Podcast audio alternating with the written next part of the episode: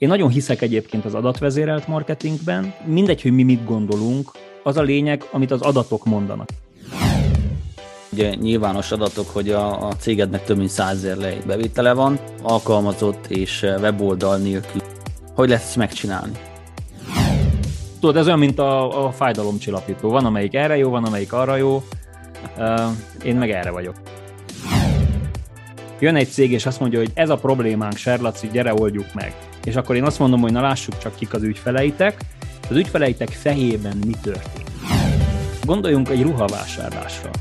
Most ugye az ősember volt az utolsó, aki úgy Isten igazából azért akart ruhát, mert hogy fázott. Na, a viselkedés az nem hazudik, igaz? Tehát az a végső metrik. Kérdezte egyszer a nagymamám tőlem, hogy Lacika, te akkor tulajdonképpen mivel foglalkozol? Mondom, hogy én marketinges vagyok. Jaj, Lacika, hát én azt gondoltam, hogy te komolyabb ember vagy.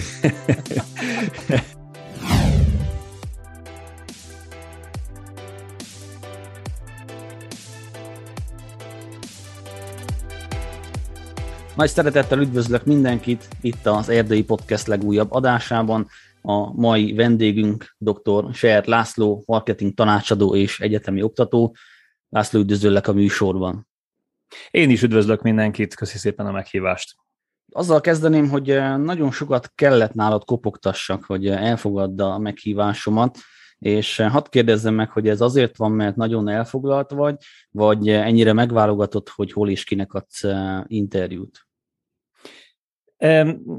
Megmondom, őszintén számítottam erre a kérdésre, és tulajdonképpen egyfajta bocsánatkéréssel is kezdeném irányodva, azért, mert nem szokásom ilyen sokat húzogatni ezeket a dolgokat. Elég sok helyen megfordulok, elég sok helyen szoktam előadásokat tartani, és nagyon ritkán mondok nemet, viszont tudjátok nagyon jól, az elmúlt két év elég furcsa volt, ugyanakkor meg ezt szerintem mindenki elmondhatja magáról, hogy, hogy furcsa, furcsa két év volt, és, és hát ugye a, gyakorlatilag a, a két munkahelyemből kifolyólag ez olyan jellegű kihívások elé állítottam, ami miatt nagyon kellett gazdálkodjak az idővel, és néha bizonyos dolgokra nemet kellett mondjak, még akkor is, hogyha szerettem volna. Szóval vedd úgy Csaba, hogy az első perctől szerettem volna, viszont nem jött össze. Most viszont itt vagyok, szóval most kihasználhat, kihasználhatod az alkalmat, és minden kérdést megkérdezhetsz. Szuper, nagyon örülök neki, nagyon borsós kérdésekkel is eh,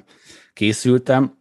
Csak ténylegesen az érdekelt amúgy, mert tudod, eh, nyilván neked a piacon van egy, eh, van egy nívód, van egy, van egy branded, és furcsa volt ugye az számomra, hogy, hogy Tudod, van ez, a, ez az értékesítői mentalitás, hogyha kidobnak az ablakon, akkor bejössz az ajtón, és fordítva. És uh, ugye itt többször follow hogy na, akkor izé, hozé, csináljuk, nem csináljuk, hogy legyen. És uh, gondolkoztam rajta, hogy vajon ennek hol a határa, vagy, uh, vagy hogy, hogy látod te például a, akár így a tapasztalatból kiindulva, hogy mennyire okés az, hogyha valakit ennyiszer follow mennyire tűnik zaklatásnak, vagy, vagy ilyesmi. Ez nagyban függ szerintem attól is, hogy kit zaklatunk, ha már így fogalmaztál, akkor használom én is ezt a szót.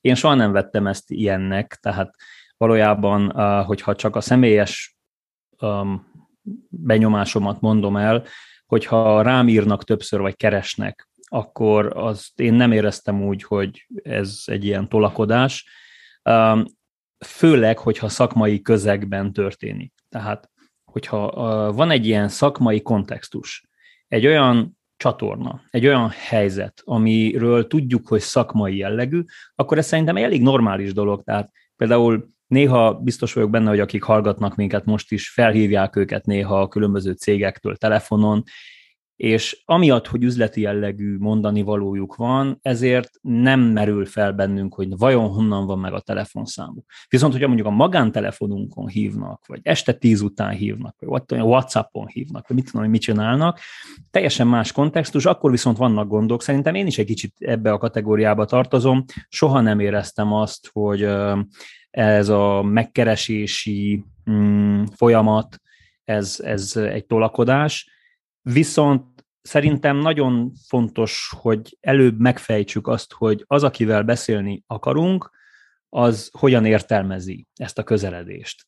azért, mert szerintem elég hamar kiderülhet, hogy körülbelül mi az a szint, amit meg lehet ütni. Hogy melyik az a pont, amelyik még sales, és bele talál abba a normális sales tevékenységbe, amelyikbe ugye valljuk be belefér egy kis tolakodás, mert a meggyőzés tolakodás, unokatestvérek.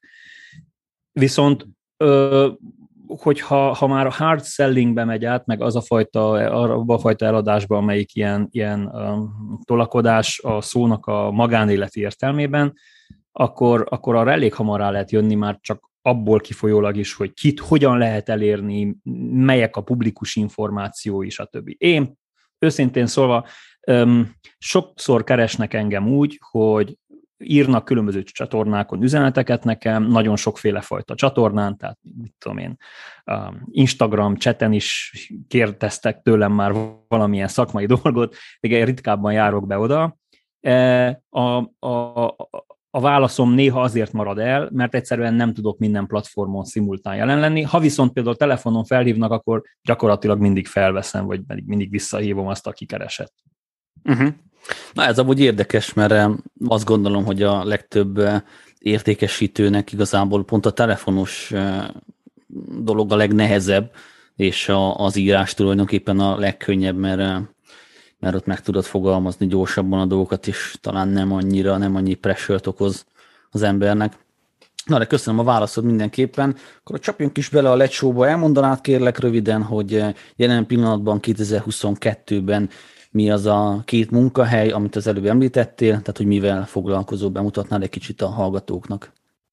Hát 2022-ben én a marketing szakemberként, marketing tanácsadóként, tulajdonképpen szabadúszó marketing tanácsadóként tevékenykedem.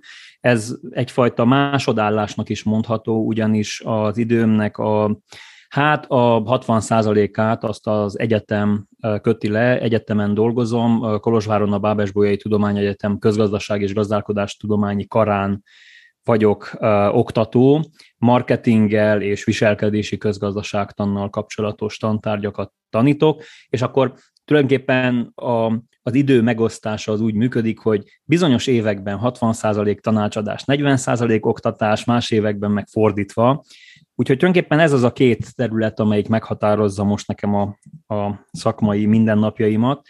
Ez a két szakma, tehát tanár és marketing tanácsadó. Értem. Mindjárt meg fogjuk nézni, hogy honnan indult neked, de, de muszáj megkérdezzem, hogy miért nem dőltél el egy irányba teljesen? Miért csinálod mind a kettőt egymás mellett? Miért jó az neked? Ez egy nagyon jó kérdés, és őszintén szólva talán egyszer gondolkodtam ezen komolyan, és most jó, hogy megfogalmazhatom újra egy kicsit magamban, összeszedhetem ezt a, ezeket a gondolataimat. Ez egy félig meddig a véletlen kérdése volt, hogy ez így történt, tehát valamikor a 2000-es években, 2005 körül a pszichológus hallgató voltam, elvégeztem az egyetemet, emellett közgazdász hallgató is voltam, csak azt éppen akkor befagyasztottam, Um, egyetemen terveztem tovább dolgozni, de a pszichológia kar, kar keretében, és akkor végül egy ilyen nagyon hirtelen ilyen uh, lengyel kanyarszerű változás történt, és uh, elmentem a magánszférába dolgozni. Uh, az első és második munkahelyem az ilyen par excellence marketinges munkahely volt, megszerettem a területet, lehet, hogy az is közbe, köz, közrejátszott ebben, hogy az emberekkel való munka, valahogy úgy éreztem, hogy eleve jobban megy nekem, a, már csak az egyetemi végzettségem miatt is, és hát valljuk be, a marketing az, az a közgazdaságtani tudományoknak, vagy a gazdálkodástani tudományoknak az a területe, amelyik hát gyakorlatilag az emberekkel dolgozik, emberekkel foglalkozunk, embereknek üzenünk, az embereket próbáljuk megérteni, tehát tulajdonképpen valahogy a magánszférában landoltam marketinges pozíciókban, Viszont nem adtam fel sohasem azt az ambíciómat, hogy, hogy egyetemen dolgozzak, tanár legyek. Szerettem mindig ezt a karrierpályát így magam előtt látni. A, a családban is nagyon sok tanár van, ilyen pedagógus családból jövök, és tulajdonképpen akkor 2010 körül lehetőség adódott arra, hogy bekapcsolódjak a közgáznak a, az oktatói mindennapjaiba, és akkor valahogy, valahogy úgy alakult, hogy visszajöttem a magánszférából, tanítani. És akkor azóta ezt így, így szimultán végzem a két tevékenységet. Uh-huh. Értem. Köszönöm a válaszod. Akkor nézzük is meg ezt a belecsöppentem a marketingbe. Tehát pszichológus hallgató, akkor úgy látszik van egy ilyen közös pont. Nálunk én is azt végeztem, alapképzés, meg mesterit is. Úgyhogy tehát akkor így elvégezted a pszichológiai egyetemet, és akkor becsöppentél egy marketing állásba. Ez így az ember szokott megbotlani véletlenül az utcán, de ez így eléggé érdekes botlás. Mit, mi történt? Hát tulajdonképpen az egyetem befejeztével én is akartam mesterizni, viszont akkor um, úgy jött össze a dolog, hogy rossz volt a konjunktúra, és, és nem tudtak, és hát pontosabban különböző személyes okokból végül nem, nem maradhattam az egyetemen, um, és akkor ezt követően arra gondoltam, hogy nekem szükségem van egy olyan munkahelyre, amelyik azon túl, hogy ezt az emberekkel való munka kritériumot nyújtja, azon túl, hogy is mondjam, segít nekem abban, hogy heti vagy napi sikerélményekben is legyen részem. És ez egy ilyen kritérium volt a fejemben, amit szerettem volna elérni, és valójában elkezdtem körülnézni, mm, ismerősök, barátok is ajánlottak különböző állásokat, és végül, ahol landoltam, az egy marketing asszisztensi pozíció volt, egy nagy broker cégnél, ilyen back office marketinges voltam. Tulajdonképpen két dologgal foglalkoztam, reggeltől estig fénymásoltam, és estétől reggelig pedig hát segítettem a felettesemnek, egy hölgynek, akivel megterveztük a, a brokereknek a, a továbbképző programjait, amelyeket ilyen-olyan helyeken, szállókban tartottak nekik a, a, a broker képzők, és gyakorlatilag mi voltunk azok, akik lebonyolítottuk azt a részét a szervezésnek, hogy egyáltalán létrejöjjenek ezek a, a rendezvények, jól működjenek ezek a rendezvények, legyenek meg a megfelelő handoutok, nyomtatványok, oktatási anyagok. Valójában már ott is valamennyire jelen volt ez a felnőtt képzés vonal, és akkor ez volt a marketing asszisztens. Na most így, így elsőre én egyáltalán nem erre gondoltam, tehát az én fejemben valami olyasmi volt, hogy itt majd reklámmal kapcsolatos dolgokkal fogunk foglalkozni. Gondoltam már az elején a, a, az állásinterjún, amikor a főnök meg a, egyik helyettese meginterjú voltak, hogy na milyen jó, mert a, a reklámpszichológiai tudásomat kamatoztatni fogom. Hát a fénymásolásnál azért éreztem, hogy ez nem nehezen fog összejönni, és uh, tulajdonképpen ez volt az első, első állás, amelyik marketinges állás volt, hát fogjuk rá, uh, és, és akkor arra gondoltam, hogy, hogy, hogy ez egy jó entry level állás volt sok szempontból, tehát egyrészt nagyon hamar megtanultam azt, hogy mit jelent Kolozsváron cégnél dolgozni, ez 2005-ben volt. Én székelyföldi születésű vagyok, gyergyói vagyok, a román nyelven nem voltak különösebb gondjaim, de van egy sajátos kultúrája a kolozsvári cégeknek, van egy dinamika, főleg a kisvállalkozások esetén, de amúgy a közép- és nagyvállalatok esetén is azért el lehet mondani, hogy jóval nyugatiasabb a közeg, olyan szempontból, hogy ilyen, hogy is mondjam, csörtetőbb és um, szabadabb gondolkodású a közeg, és akkor így, Gondolom, így indult el a marketinges pályán. A broker cégnél nem volt gond uh, itt a csültetéssel. Igen. És tulajdonképpen így indult a karrier, aztán az következő állásaim azok, azok rendre ilyen digitális marketing, online marketing területen uh, voltak, és a, közben elvégeztem a közgázt is, tehát azt úgy letudtam um, a közgázt is, és akkor már valójában ilyen full service közgazdászként voltam marketinges, és valójában azt mondanám, hogy a legtöbbet azok az állások segítettek, ezek az online marketinges állások. Az első az egy ilyen webáruházas történet volt, a második pedig egy árösszehasonlító szolgáltatás volt. Egyik cég sem működik már, és szoktam ezen poénkodni, hogy lehet, hogy miattam, haha, csak viccelek, nem, nem miattam, tehát um, ezek mind ilyen startup, ha ma startupnak mondanánk őket, akkoriban ilyen nagyon minimális tőkebefektetésű, improvizatív kis bizniszecskék voltak, amelyek sajnos a válságot, a 2008-2011-es válságot már nem élték túl, én akkor már egészen máshol dolgoztam. Tulajdonképpen ezek, ezek voltak az első hogy is mondjam, az első olyan munkahelyeim, amelyek, amelyek berepítettek engem ejtőernyővel a marketing területére. És Azt látom, hogy ezek az állások után a Transindexnél helyezkedtél el. Igen, az egy nagyon, nagyon érdekes dolog volt. Én, én ugye annak a generációnak a tagja vagyok, amelyik a Transindex hírportált az elejétől olvasta, amikor elindult a hírportál 2001-ben, vagy nem is tudom. A végéig olvastátok, ugye? Vagy? Hát annyira nem a végéig, de az elején nagyon olvastuk. Tehát ez volt az erdélyi magyar hírportál, és egy egész generáció olvasta ezt, és, és én, én is ennek a generációnak a tagja voltam, úgyhogy én egy ilyen nagyon nagy sikernek éltem meg, hogy, hogy ott, ott dolgozhatok. 2008-ban elhívtak egy interjúra, és, és örömmel, megmondom őszintén, örömmel fogadtam el. Egy komoly kihívás volt. Ők kerestek ott, meg téged? Tulajdonképpen meg volt hirdetve az állás, és akkor utána érdeklődtem, egy ilyen kvázi informális jellegű folyamat volt, tehát nem volt ennyire szabványosított toborzási folyamat, mint ahogy az emberek esetleg gondolnák. Mm. És én nagyon örültem neki, hogy három évet ott dolgozhatok, egy teljesen más világ volt, tehát így hirtelen ebből a Cluj corporate világból átpattantam az erd magyar, az erdélyi magyar sajtó világába, ahol nem, nem, tehát nem sajtó, munk, sajtós munkatársként, hanem marketingesként dolgoztam. Valójában két feladatom volt. Egyrészt a, a lapcsaládnak a hirdetési felületeit kellett kezelni, menedzselni és új ügyfeleket szerezni. Ez akkoriban nem is volt olyan nagyon egyszerű, mert épp akkor indult el a gazdasági válság, és valójában a munkámnak a fele az az előző adóságok behajtásából állt, amelyik egy ilyen provokáció is volt a személyiségemnek, mert soha nem tudtam volna elképzelni magam, hogy ilyen tartozás behajtóként működjek, és ott szerintem elég sokat tanultam a saját határaimról is. Um, úgyhogy valójában... Konkrétan kellett uh, hívni az embereket, hogy...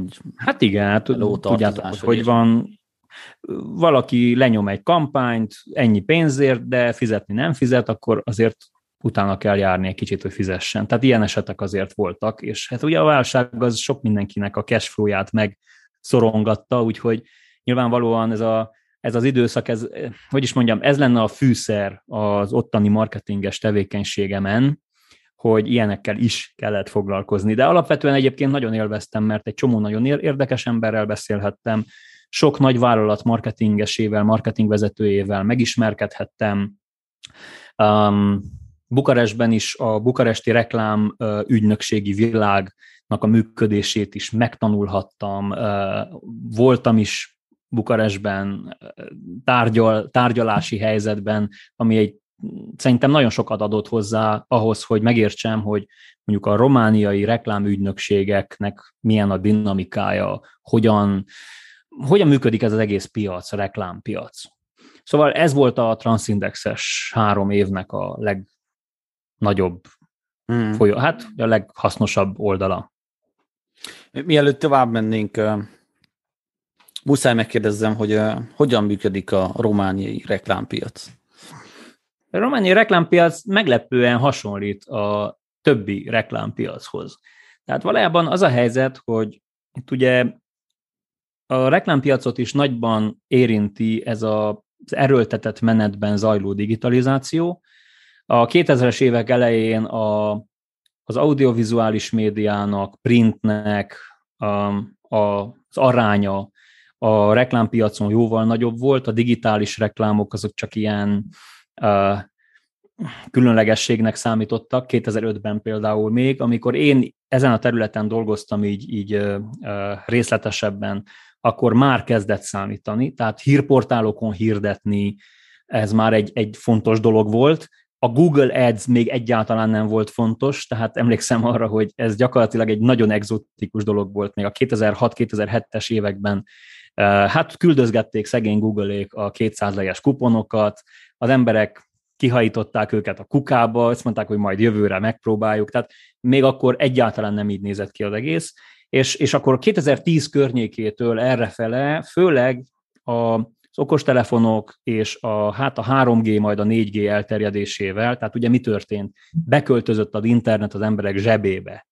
És ez megváltoztatta teljes egészében a reklámpiacot is. Tehát a reklámügynökségek addig abban voltak érdekeltek, hogy a, a kültéri felületek, a sajtófelületek és az audiovizuális, tehát rádió, tévé felületeken keresztül nagyon nagy vállalatok reklámjait közvetítsék, és 2010-től errefele meg azt látjuk, hogy egyre fontosabb lett a technológiai komponens. Tehát az, hogy személyre szabottság, mm, szűkebb célcsoportok megcélzása, totális transzparencia, tehát hogy az ügyfél lássa azt, hogy mire költi a pénzét. Azelőtt ez nem volt annyi. Hát ugye fontos volt, de ugye korlátozottak voltak a lehetőségek az analytics-re. Hmm. Szóval valójában azt hiszem, hogy a reklámügynökségek nagy változás alatt voltak és vannak most is. Ezek a nagyon nagy külföldi reklámügynökség hálózatok, amelyeknek Romániában is vannak kirendeltségeik, amelyek jellemzően viszik ezeket a nagy accountokat, a, a, a, a nagy nemzetközi multiknak a, a romániai uh, accountjait, azok, azok, azok itt is ugyanúgy működnek, ugyanazon szabványok szerint működnek, mint, mint, hmm. mint külföldön.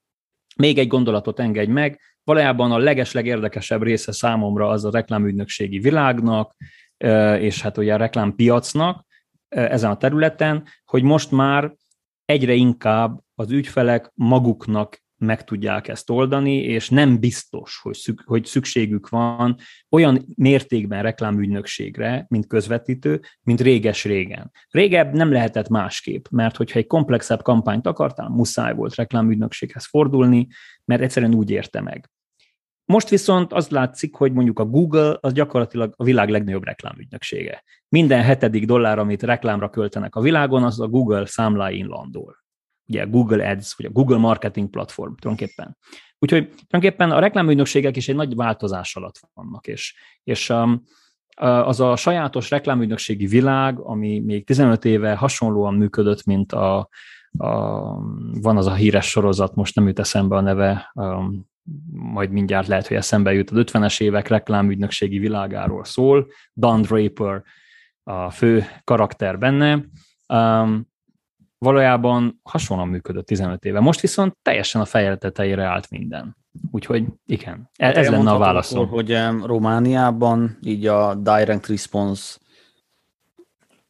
stílus kezdett uh, lábat vetni igazából Romániában is.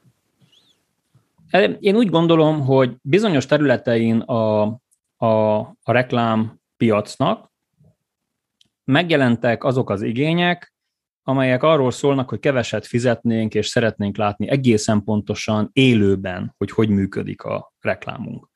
És ezt a klasszikus reklámügynökségek nehezen tudják nyújtani, vagy pedig drágábban tudják nyújtani. Ott vannak viszont a, a nem reklámügynökség jellegű közvetítők, mint például a Google Ads, vagy pedig mhm. a Facebook Ads, vagy Meta Ads, bocsánat, vagy újabban a TikTok ads, igaz, ahol gyakorlatilag a technológia adott, tehát a marketing technológia adott, nem kellenek azok a, ugye a marketing technológia az az account managereknek felel meg, a reklámügynökségi világból. Azok a személyek, akik képesek lefordítani a, az ügyfélnek az igényeit a kreatív ember nyelvére hogy a kreatív ember képes legyen létrehozni azt a reklámüzenetet, azt a reklám, kreatív reklámot. Uh-huh. Ma viszont a marketing technológia rész az, az account managereket kihelyettesíti. Tehát ott van AI, tessék. A kreatív részt még nem helyettesíti ki, csak angolul kezdi, tehát ugye van már kreatív reklámszövegírás AI-jal, banner készítés Google Display Ads-nél például AI-jal. És magyarul is lesz előbb-utóbb természetesen. Biztos, hogy ez az irány. Oh, nagyon érdekes, nagyon érdekes. Jó, menjünk tovább, nézzük, hogy, nézzük, hogy mit csináltál továbbiakban. Tehát itt, ha jól tudom, és jól látom a, a, a LinkedIn profilodon, akkor 2011-ig voltál a Transindexnél. Igen, így van. Közben elkezdted a, a doktorátusi fokozat megszerzésé, megszerzését is, igaz? Igen, ez egy nagyon érdekes dolog volt, mert úgy volt, hogy hogy elmentem, meghívott a Marketing szakkollégium, ez a közgázon, a Kolozsvári közgázon működő marketinges diákok, vagy marketing iránt érdeklődő diákok szakkollégiuma, meghívott engem egy táborba előadónak, um, és hát elmentem, Torockón volt, és, és um, hát az előadás ezek szerint jól sikerült, mert utána az egyik tanárnő, aki azóta kolléganőm, felkért, hogy mi lenne, ha tartanék órákat a közgázon, és akkor elindult ez a folyamat, Um, és hát ugye akkoriban rugalmatlanabb volt a rendszer, azt is mondták, hogy ha tanítani akarok, be kell iratkozzak doktorálni, és hát beiratkoztam, szóval valójában itt kezdődött az oktatói pálya, um, és um, hát gyakorlatilag azóta is tart. Itt még hozzátenném, hogy egy, egy idő után aztán még Budapesten is éltem, bár lehet, hogy erre külön rákérdeztél volna, az is a doktori keretében volt. Uh-huh. De valójában igen, ott kezdődött a, a, az oktatói része. De igazából itt is akkor, akkor két lovon lovagoltál, ha, ha jól értem, mert még a Transindexnél voltál, de már elkezdted közben a doktorátusit is. Igen, így van, viszont közben elég sok órám lett, és emiatt le kellett mondjak az, a, az állásról, tulajdonképpen az egyik oka az ez volt, a másik pedig hát nyilván, mint minden munkahelyen itt is egy kicsit plafonálódva éreztem magam, úgy éreztem, hogy um, tovább fejlődnék, úgyhogy valójában az oktatói pályára való áttérés mellett azért um, hozzá kell tennem, hogy megvolt már nekem a tanácsadói cégem, én voltam egyedül a tanácsadó a cég keretében, szóval valójában ott már dolgoztam különböző ügyfelekkel, és közben végeztem ezt a doktori cuccot. Uh-huh. Értem. És uh, honnan szerezted az ügyfeleket így az első időszakban?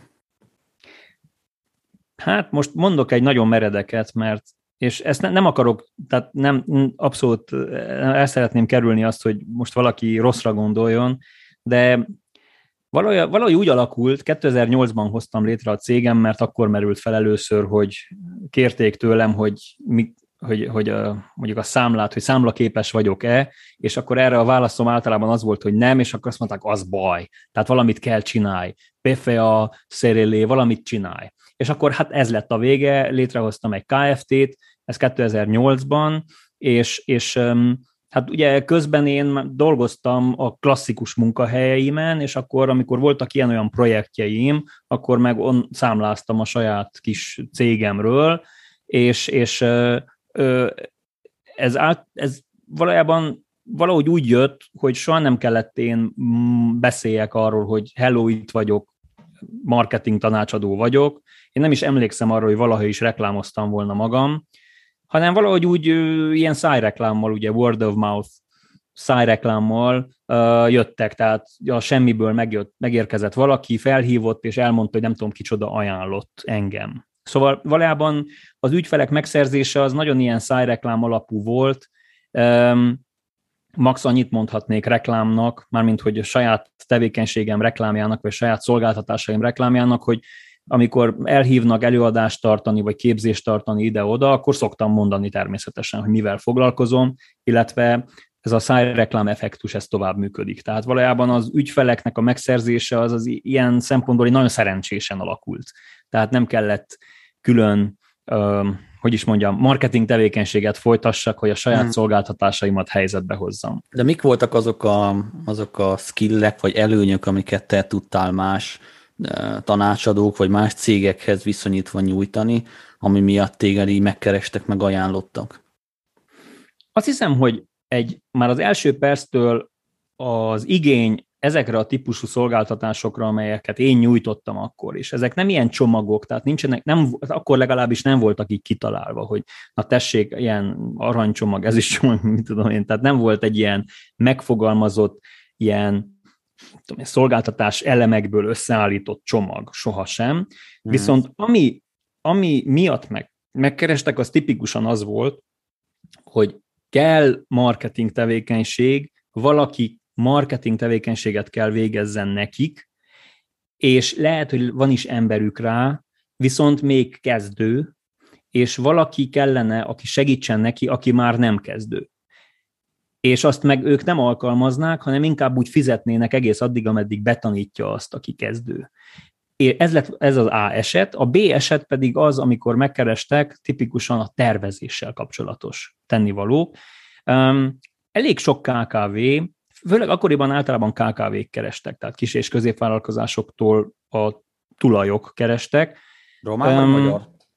Magyar, magyar. Hát román ügyfelek is voltak, volt néhány. Inkább úgy fogalmaznék, hogy volt olyan egy idő után, amelyik, tehát nem székelyföldi, és akkor román is, és magyar is. de alapvetően eleinte nagyjából székelyföldiek voltak, akik megkerestek. Mhm. Marosvásárhely, Székelyudvarhely vonalon nagy részt, Csíkszereda vonalon. Um, és és um, hát a tervezés az, az akkor merült fel sokakban, amikor úgy, amikor neki kezdtek a marketingnek, és úgy érezték, hogy megvan hozzá a tudásuk valamennyire, viszont belátták egy idő után, hogy ez nem csak ennyiből áll.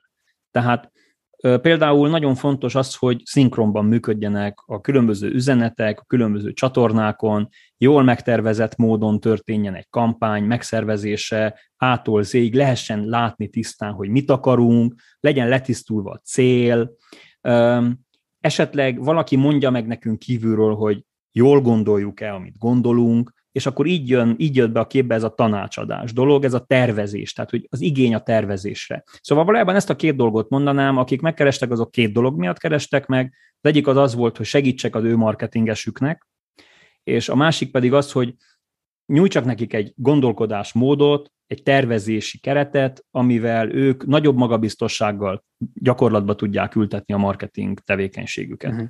És tulajdonképpen ez így, ez így fit volt mind a két oldalról, mert hogyha jól értem, akkor neked is uh, uh, valamilyen szinten, hogyha most elmondhatod, hogy volt egy fixálásod, meg mellette még tanácsod, uh, tanácsadással foglalkoztál, és mellette doktoráltál, akkor nyilván az operatív részben nem volt annyi időt, hogy tudják kivitelezni, viszont mint, mint akár kvázi marketing vezető elirányítani egy pár fős csapatot, az úgy meg különböző kpi alapján nézni az ők munkájukat, gondolom akkor az úgy jobban testhez állt neked. Valóban így van, tehát én eleinte nem voltam ennyire tudatos ebben, viszont így, ahogy megfogalmaztad, ez így nagyon jó volt, tehát tényleg így volt testhez álló, hogy ne legyen ez egy folyamatos 9 órától 5 óráig terjedő tevékenység minden nap, mert azt nem tudtam volna bevállalni, viszont így projekt alapon, rugalmasabb időbeosztással igen. Tehát mhm így, így működőképes volt. Még azt tenném talán hozzá, ami, ami fontos lehet, hogy, hogy a, a, ez a tervezési rész, ez, ez nagyon változatos volt az első perctől. Tehát volt olyan helyzet, amikor mínusz 40-ből kezdtük.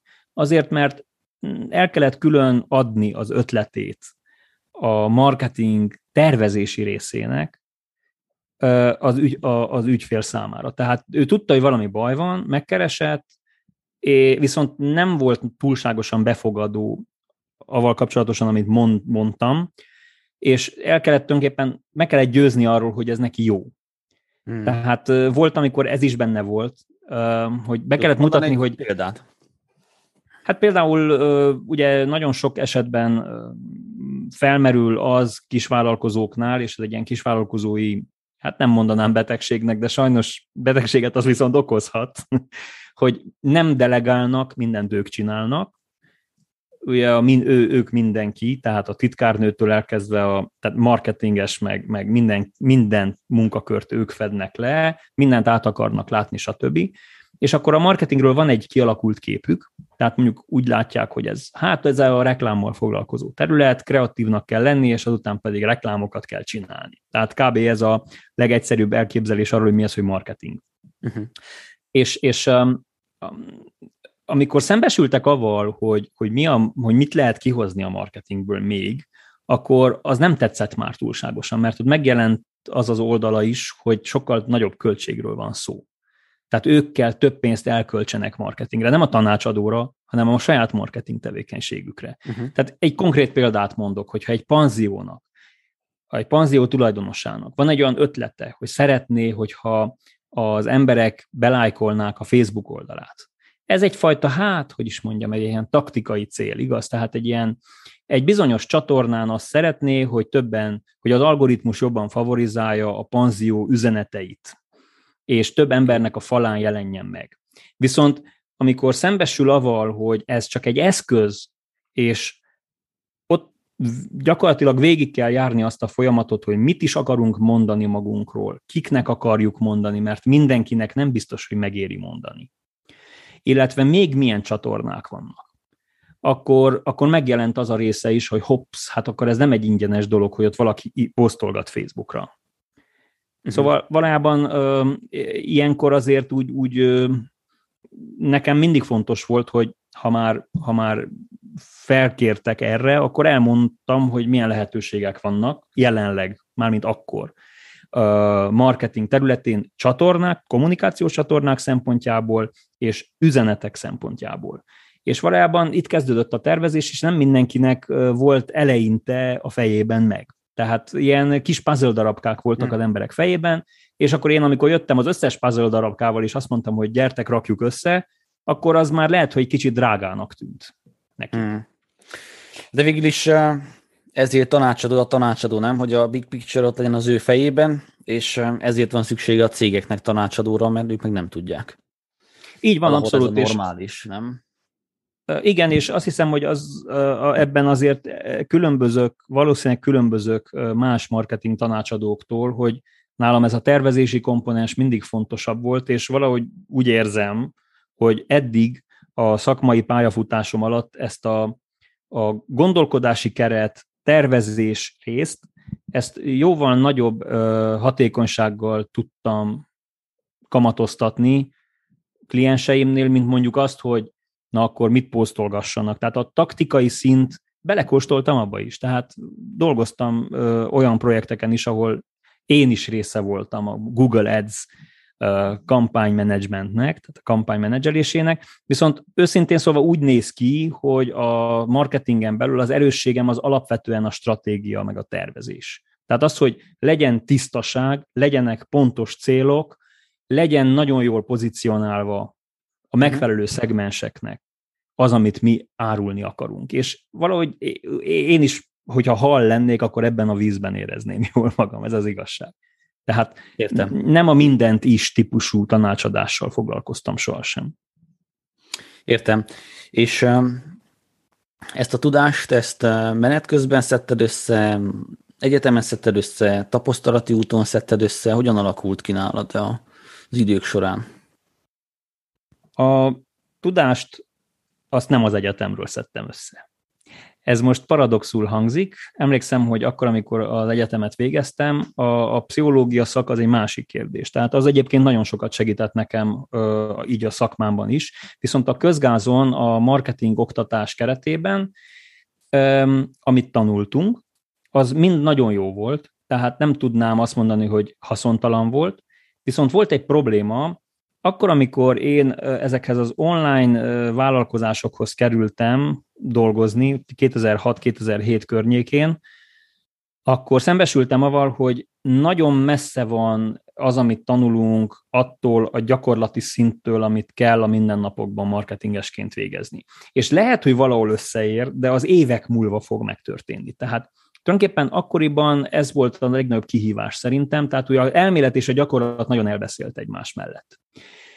És ez volt, emlékszem, az egyik első dolog, amire gondoltam, hogy majd, hogyha én is tanítani fogom ezt, akkor ezt nagyon gyorsan össze kell hozni. Azért, mert hogyha nem, akkor egy idő után az emberek ezt fog, ugyanezt fogják mondani, hogy oké, okay, hát ez biztos hasznos lesz majd, de ki tudja hol, igaz? Tehát ugye jellemző kritika amúgy manapság nagyon szereti kritizálni az emberek az egyetemi oktatást, különböző okokból, főleg emiatt, hogy nem elég gyakorlatilag, de hát valójában ugye, hogy Boltzmann német fizikus mondta, nincs gyakorlatiasabb egy jó elméletnél. Amikor megvan egy megfelelő gondolkodási keret, akkor a gyakorlat szuper nagyon felgyorsulhat. Nagyon-nagyon felgyorsulhat, és hibamentesebbé válhat. Úgyhogy valójában nekem egyfajta ilyen tanári krédóm is lett az, hogy a, a tanácsadói tapasztalatokat a egyetemen is megosztom. Visszatérve arra, hogy én honnan szedtem össze a tudást, hát a transzindexes időkben voltam egy rakáskonferencián itt-ott, ahova küldtek, onnan megismertem embereket, azok az emberek javasoltak nekem helyeket, ahonnan a tudást meg lehet szerezni, és nagyon sok könyvet olvastam akkoriban, olyan könyveket, amelyeket torrentről töltöttem le, mert hogy nyomtatásban még nem lehetett megvásárolni akkor őket, mert az Amazon Romániában... Elmondhatod, elévültek ezek a bűnök. É, persze, hogy igen. Én amúgy nagyon szívesen elmondom ezt bármikor, akár most is VPN-en. Szóval tulajdonképpen az nagyon sokat segített, és, és amikor, amikor kezdtek megjelenni minőségi online oktatói anyagok, akkor azokból is azért Hát elég sokat költöttem különböző ilyen, ilyen tananyagoknak a, a meg, megvásárlására, úgyhogy valójában ez volt a, a fő csapás, ami mentén összeszedtem a tudást, és a második része pedig a projektek alkalmával egy konkrét helyzethez kellett megoldással szolgálni, és akkor cél, célzottan annak tudtam utána nézni, ami a probléma, mhm. ami a megoldandó dolog. És akkor ugye ez a learning by doing része. Tehát tulajdonképpen ez a két, ez a két dolog. Ebből állt össze a tudás. Most is jelenleg ugyanígy működik. Szuper. Nézzük akkor tovább a, az életutadat. Szóval elkezdted ugye a tanácsadás, közben beiratkoztál a doktorira, ment tovább így az élet. Mi a következő fordulópont, vagy lépcső? Hát azt hiszem, hogy a... Ugye Budapestre.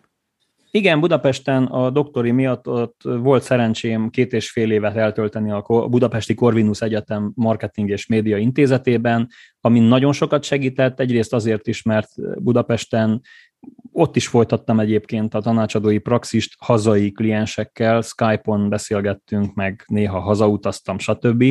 Emellett viszont az ottani perspektívák, az ottani lehetőségek újabb ajtókat nyitottak meg, amelyekből hát mm, finoman fogalmazva sikerült egyfajta ilyen up, upscalinget végrehajtani, és ö, szerintem annak köszönhető nagy részt, hogy valamikor 2015 környékén, amikor már itthon laktam, akkor úgy döntöttem, hogy, hogy inkább középvállalkozásokkal szeretnék elsősorban foglalkozni, akik a digitális marketing területén komolyan gondolják, amit, amit akarnak.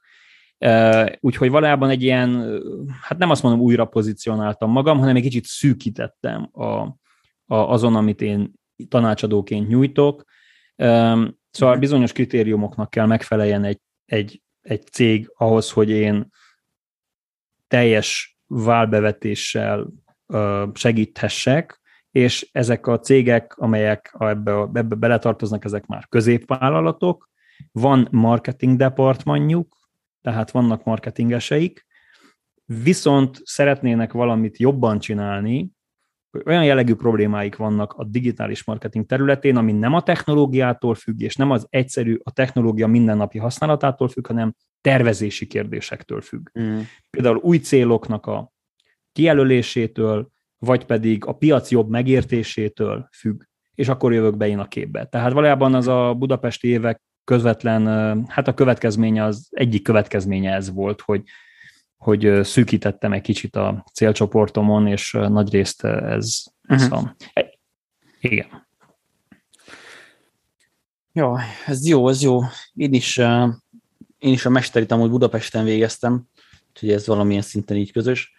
Igen. Az, a, az az érdekes amúgy, hogy amit mondasz, így úgy, úgy tudnám, vagy úgy érzem, ha jó duplikálom, hogy te amiben jó vagy igazán, azok a, azok az alapelvek, amik eh, eddig is működtek az emberi viselkedésben, a marketingben, stb., illetve ezután is fognak működni, tehát a technológia, meg ugye az, hogy most eh, tíz éve még Google-on hirdetett az ember, most már TikTokon, aztán lehet tíz év múlva valami olyan NFT és stb. világ lesz, hogy még nem is tudjuk, de, de az alapelvek, hogy, hogy miért vásárol egy vásárló, az lehet, hogy ugyanazok lesznek, mint ami eddig is voltak.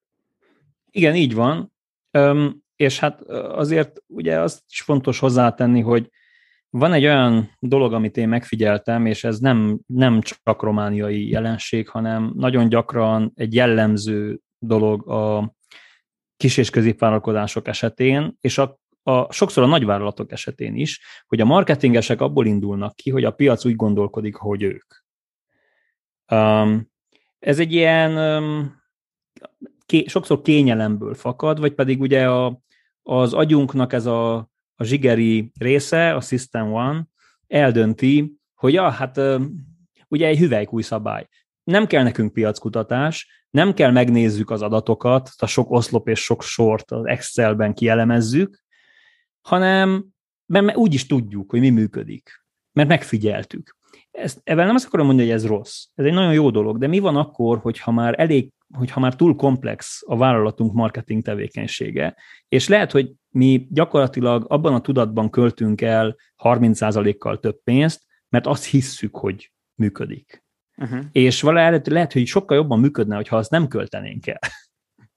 mert, mert másra költenénk el. Tehát valójában ebben azt akarom mondani, hogy azt hiszem, hogy az, amiben én, amiben én a legtöbbet tudtam mindig is segíteni a, a marketing szemléletmód alakulásán egy cégen belül, ahova elhívtak, az az volt, hogy egy mér, hát hogy is mondjam, kiegyensúlyoztam ezt a dolgot. Tehát ők jöttek avval, hogy szerintük hogy van, és én pedig engedtem, hogy az adatok beszéljenek.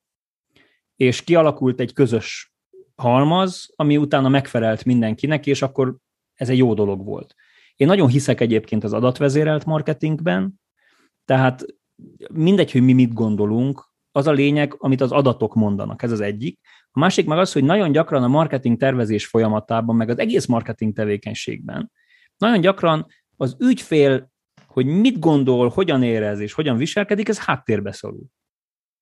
Tehát az úgy valahogy úgy, hát a, a különleges eseteket észrevesszük, mert azok hangosak, viszont a, a nagy átlagot nem kutatjuk mélyen, mert azt hisszük, hogy, hogy ismerjük őket. És azt hiszem, hogy ez az a terület, ahol én szívesen szoktam kutakodni. Tehát gyakorlatilag így visszanézve az eddigi ügyfeleim nagy részénél én voltam az, aki mindig előszedtem azt, hogy na lássuk csak az ügyfeleket. Mit gondolnak, mit éreznek, hogyan viselkednek. Um, és sok-sok meglepetés volt. Mindig voltak meglepetések. Tök jó. Kérdésem az, hogy ezzel a szűkítés, ezzel mit eh, lendített a munkáidon, kevesebb munkád lett, jobb ügyfeleid lettek, mi volt az eredmény ennek a döntésnek, hogy szűkítesz? Hát kevesebb meglepetés volt a munkám során, úgy lehetne összefoglalni. Meglepetés alatt azt értem, hogy sokszor a, amikor, amikor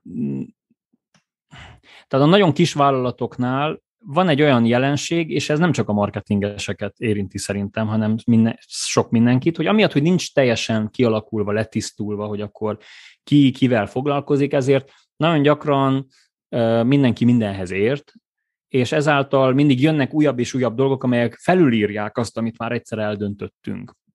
Na most a középvállalatoknál azért ez már egy kicsit ritkább. Ott is van, viszont kialakultak ezek a ezek a kompetenciák, és egymás, egymás kompetenciáit a szakemberek jobban tisztelik talán, amit el lehetne mondani, ami nagyon sok jót okoz a tanácsadónak is. Tehát számomra például a leglátványosabb az az volt, hogy az én tudásomat sokkal jobban tudtam kamatoztatni egy olyan közegben, ahol azért úgy valamennyire tudták, hogy mit akarnak, nem nagyon-nagyon mínusz 40-ből kellett kezdeni, nem mondjuk zéróról vagy ötről. És, és azt hiszem, hogy, hogy na, szerintem sok mindenki elmondhatja magáról, hogy valahol megtalálta a szíve csücskét. Hát én valószínűleg, hogy itt, tehát a marketing tanácsadáson belül valahol itt találtam meg a, azt, ami igazán jól megy nekem, hogyha már van egy marketing tevékenység, viszont fel szeretnék turbózni. Uh-huh. Tehát erre, erre, erre vagyok én jó. Tehát, na, tudod, ez olyan, mint a, a fájdalomcsillapító. Van, amelyik erre jó, van, amelyik arra jó, én meg erre vagyok jó. Világos. Um, lehet ez egy kicsit kellemetlen kérdés lesz, de már a podcastben megszokhatták a hallgatók, hogy azért igyekszem ezeket a kérdéseket feltenni. Van ez a Schuster cipője dolog. Látom, hogy az utóbbi két évben ugye nyilvános adatok, hogy a, a cégednek több mint százezer bevétele van, és így konkrétan alkalmazott és weboldal nélkül csináltad -e meg ezeket a, ezeket a tök jó számokat. Hogy látod ezt a dolgot? Hogy lehet ezt megcsinálni?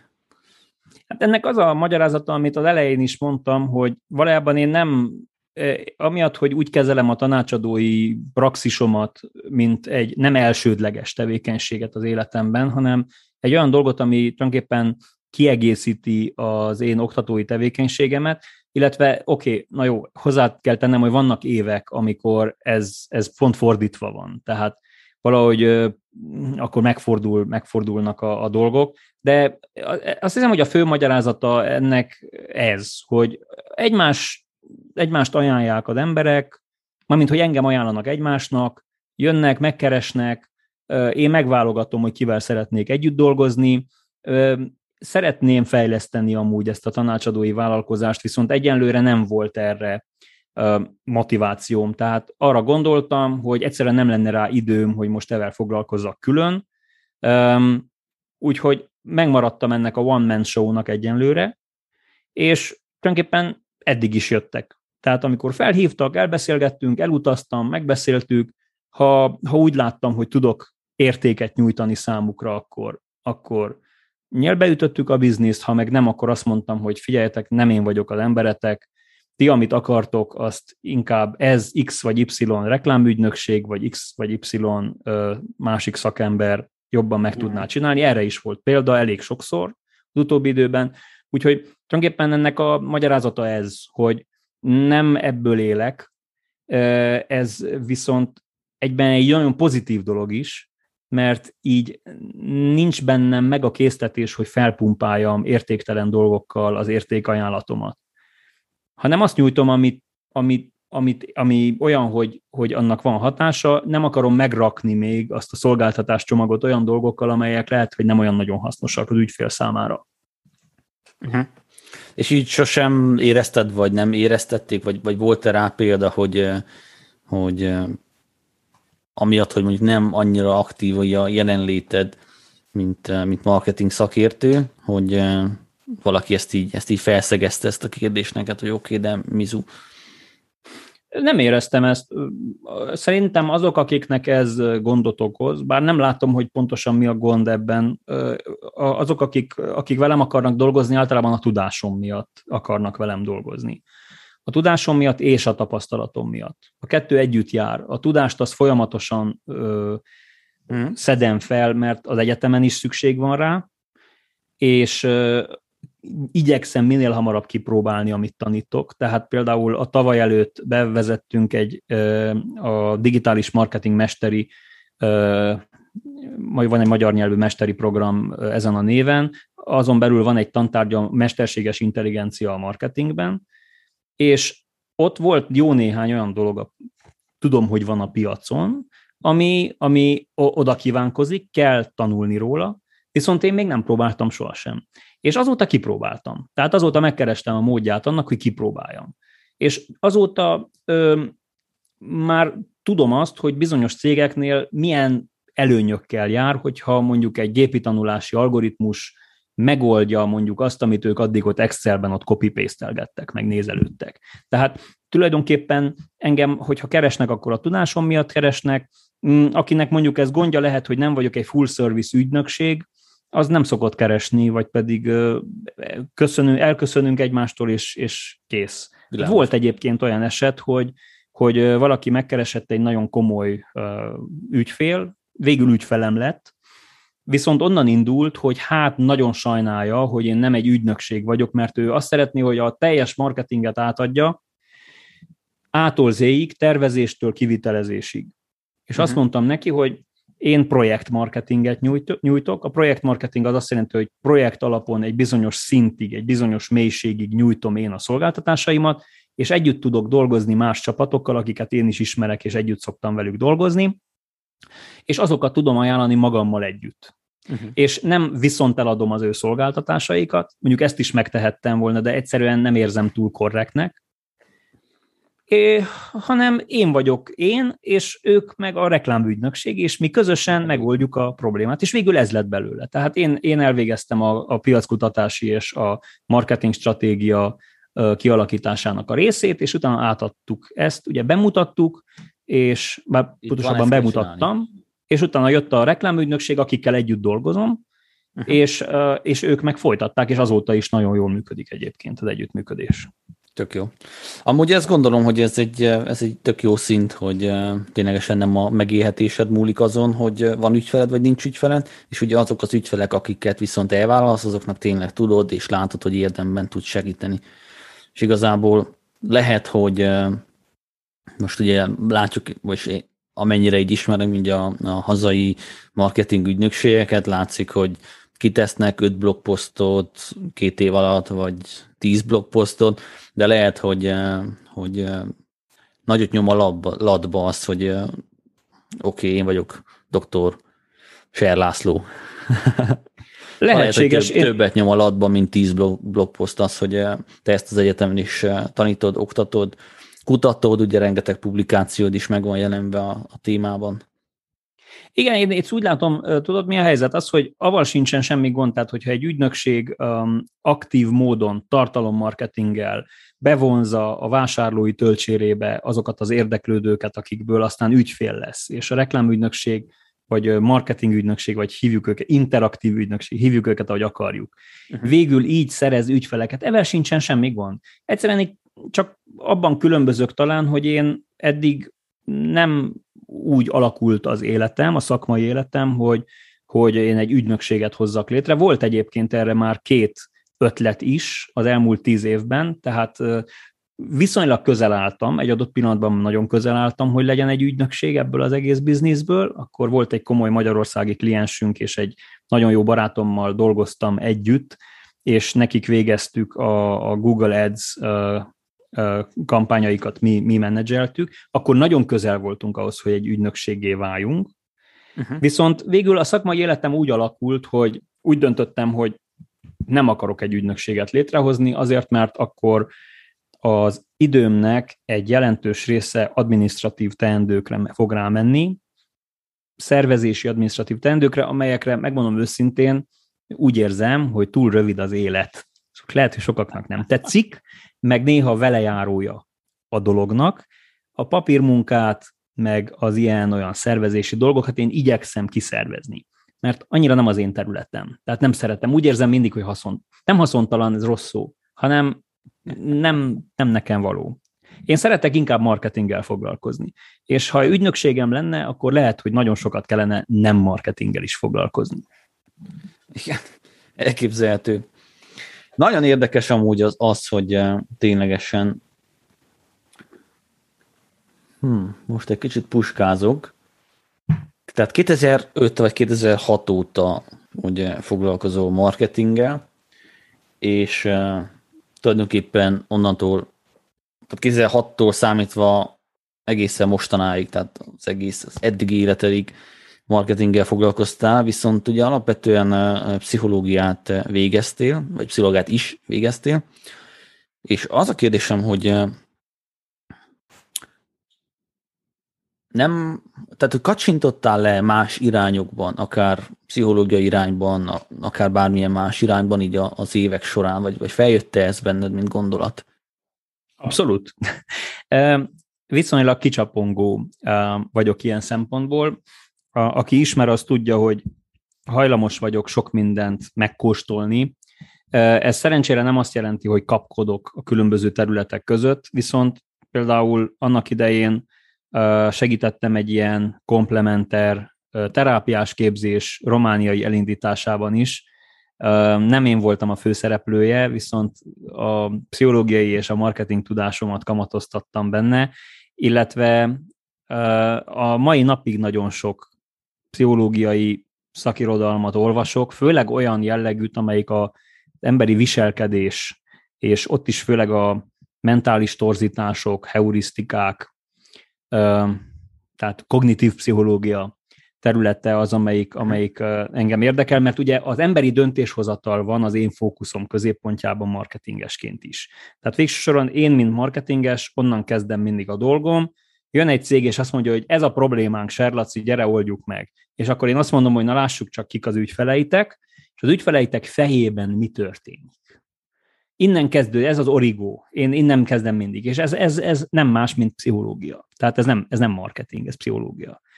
És ehhez különböző empirikus módszerekkel adatokat kell gyűjteni a mély interjútól a kérdőíves kutatásig, a fókuszcsoportos kutatástól egészen addig, hogy a Google Analytics-el, meg mit tudom én, Hotjar-ral lenyomozzuk, hogy hogy viselkednek a weboldalunkon a, a, a, a, a látogatók. Tehát végsősoron a pszichológiai irány az itt van itt van, benne van, tehát a háttérben futó folyamat. És ezen a területen nagyon sokat is kell olvasni, mert biztos te is tudod, hogy az interneten megnyilvánuló ember is, ahogy viselkedik, a mögött sok érdekesség is van, igaz? Tehát mondjuk egy like mögött is sok minden van. Tehát elég, hogyha belegondolunk abba, hogy, hogy mi van egy like mögött. A like az nem annyit jelent, hogy, hogy valaki nem, nem szeret valamit, vagy szeret valamit, és hogyha szeret valamit, akkor like-ot nyom, hanem ott is vannak nüanszok, különböző dolgokat jelenthet. Most, hogy már lehet haha uh, smiley-t nyomni, vagy pedig care-t, vagy szívet, most már sokkal több meg, megnyilvánulási lehetőséget nyújt a, a, például a Facebook is az ügyfeleknek, mint régebb. Régebb csak like volt. A like mögött volt a szív is, a care is, a haha is, minden a like mögött volt. És pusztán avval, hogy öt vagy hat, nem tudom, öt smiley-t lehet használni, evel már is többet tudunk arról, hogy hogyan, milyen bevonódási szint, vagy hogyan reagálnak, milyen érzelmek vannak mondjuk egy Facebookra feltöltött tartalomra, milyen érzelmeket adnak. De ez, ez sem minden még. Mert ugye nagyon sokan csak nézik, de nem nyomják meg a gombot. És azt hiszem, hogy ez a legszebb része amúgy a digitális marketingnek, legalábbis így kutatói szempontból, uh-huh. Hogy ott ül a gép előtt, vagy ott ül a telefonja előtt az ügyfél, a potenciális ügyfél, és nem, nem lép interakcióba a felülettel. Nem nyom lájkot, nem küldi el messengeren a linket, de nem matatja az ujjával, de valamit gondol, valamit érez, valamit tervez, és ezekről nekünk tudnunk kell. Igaz? Tehát valójában én ebben látom a, a, a szakmámnak a legszebb részét, megmondom őszintén. Elhiszem, hogy ez nagyon érdekes, főleg ugye azért is, mert ugye itt már be tud, be tud kapcsolódni a, a, a akár az ilyen remarketing hirdetések, hogy mi az, amit fogsz neki mutatni azért, hogy bevonda az interakcióba meg ugye a különböző embertípusok, hogy eh, attól még, hogy nem lőtt like de nagyon sok embert elért, nyilván az is egy, eh, egy mutató, egy tendencia. Na de visszakanyarintva a kérdésre, oké, okay, hogyan, hogyan tudtál elköteleződni a marketing irányba, és eh, nem, nem mentél el mégsem más, más irányokba? Hát ennek szerintem az egyik oka az az, hogy a, a, az évek során a, egyrészt volt egyfajta elvárás a piacról, hogy mi az, ami, milyen jellegű problémákon kellett dolgozzak, és az úgy betöltötte a, a szakmámra szánt időmet. Úgyhogy ez úgy megszilárdult valamennyire, és valójában egy idő után logikussá vált, hogy arra építsek, ami már megvan. És akkor így lettem én marketinges. Tehát eleinte még lehet, hogy el tudtam volna menni más irányokba is.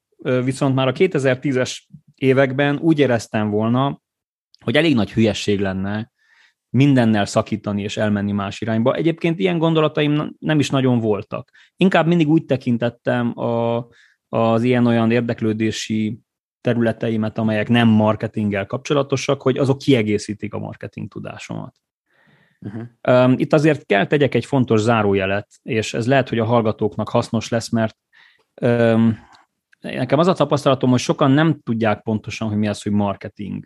Pontosabban gondol, mindenki gondol valamire, de ez, ez ugye nem, nem esik egybe, tehát sok mindenki sok mindenre gondol. Um, hát a marketing az az én nézőpontom szerint, tehát ugye hivatalosan a marketing az egy olyan vállalati folyamat, amelyik attól a ponttól kezdve, hogy megérti, hogy az ügyfelek mit akarnak, az alapján, hogy megértette azt az információt felhasználja arra, hogy a termék vagy a szolgáltatás jobb legyen, piacképesebb legyen, az beárazza, megszervezi az értékesítését és reklámozza azt, majd a piaci feedbacket visszavezeti az elejére, és javítja a terméket, szolgáltatást, és így megy körbe és körbe. Tehát ez a hivatalos definíciója a marketingnek. Egy vállalati tevékenység, amelyik végigviszi a teljes folyamaton azt, hogy a ügyfél szükségletei ki legyenek elégítve. Uh-huh. Na de szerintem a marketing az kicsit olyan, és ez egy új, újra egy pszichológiai fogalom, olyasmi, mint egy cégnek az érzelmi intelligenciája. Tehát valami olyasmi, hogy mi vagyunk a cég, egy organizmus, és abban vagyunk érdekeltek, hogy felfogjuk, megértsük a radarjainkkal, hogy a környezetünk mit akar, Aha. és arra mi megoldást nyújtsunk számukra ez már nem annyira érzelmi intelligencia, de az, hogy megértsük, hogy mit akarnak. Utána pedig képesek legyünk elmondani, hogy mi mit nyújtunk nekik. Uh-huh. Az ő nyelvükön. elmondani. Ez, ez nagyon hasonlít az érzelmi intelligencia kérdésére. Tehát valami olyas, mint a cégnek az érzelmi intelligenciája. Megáldva egy adag jó kommunikációs képességgel.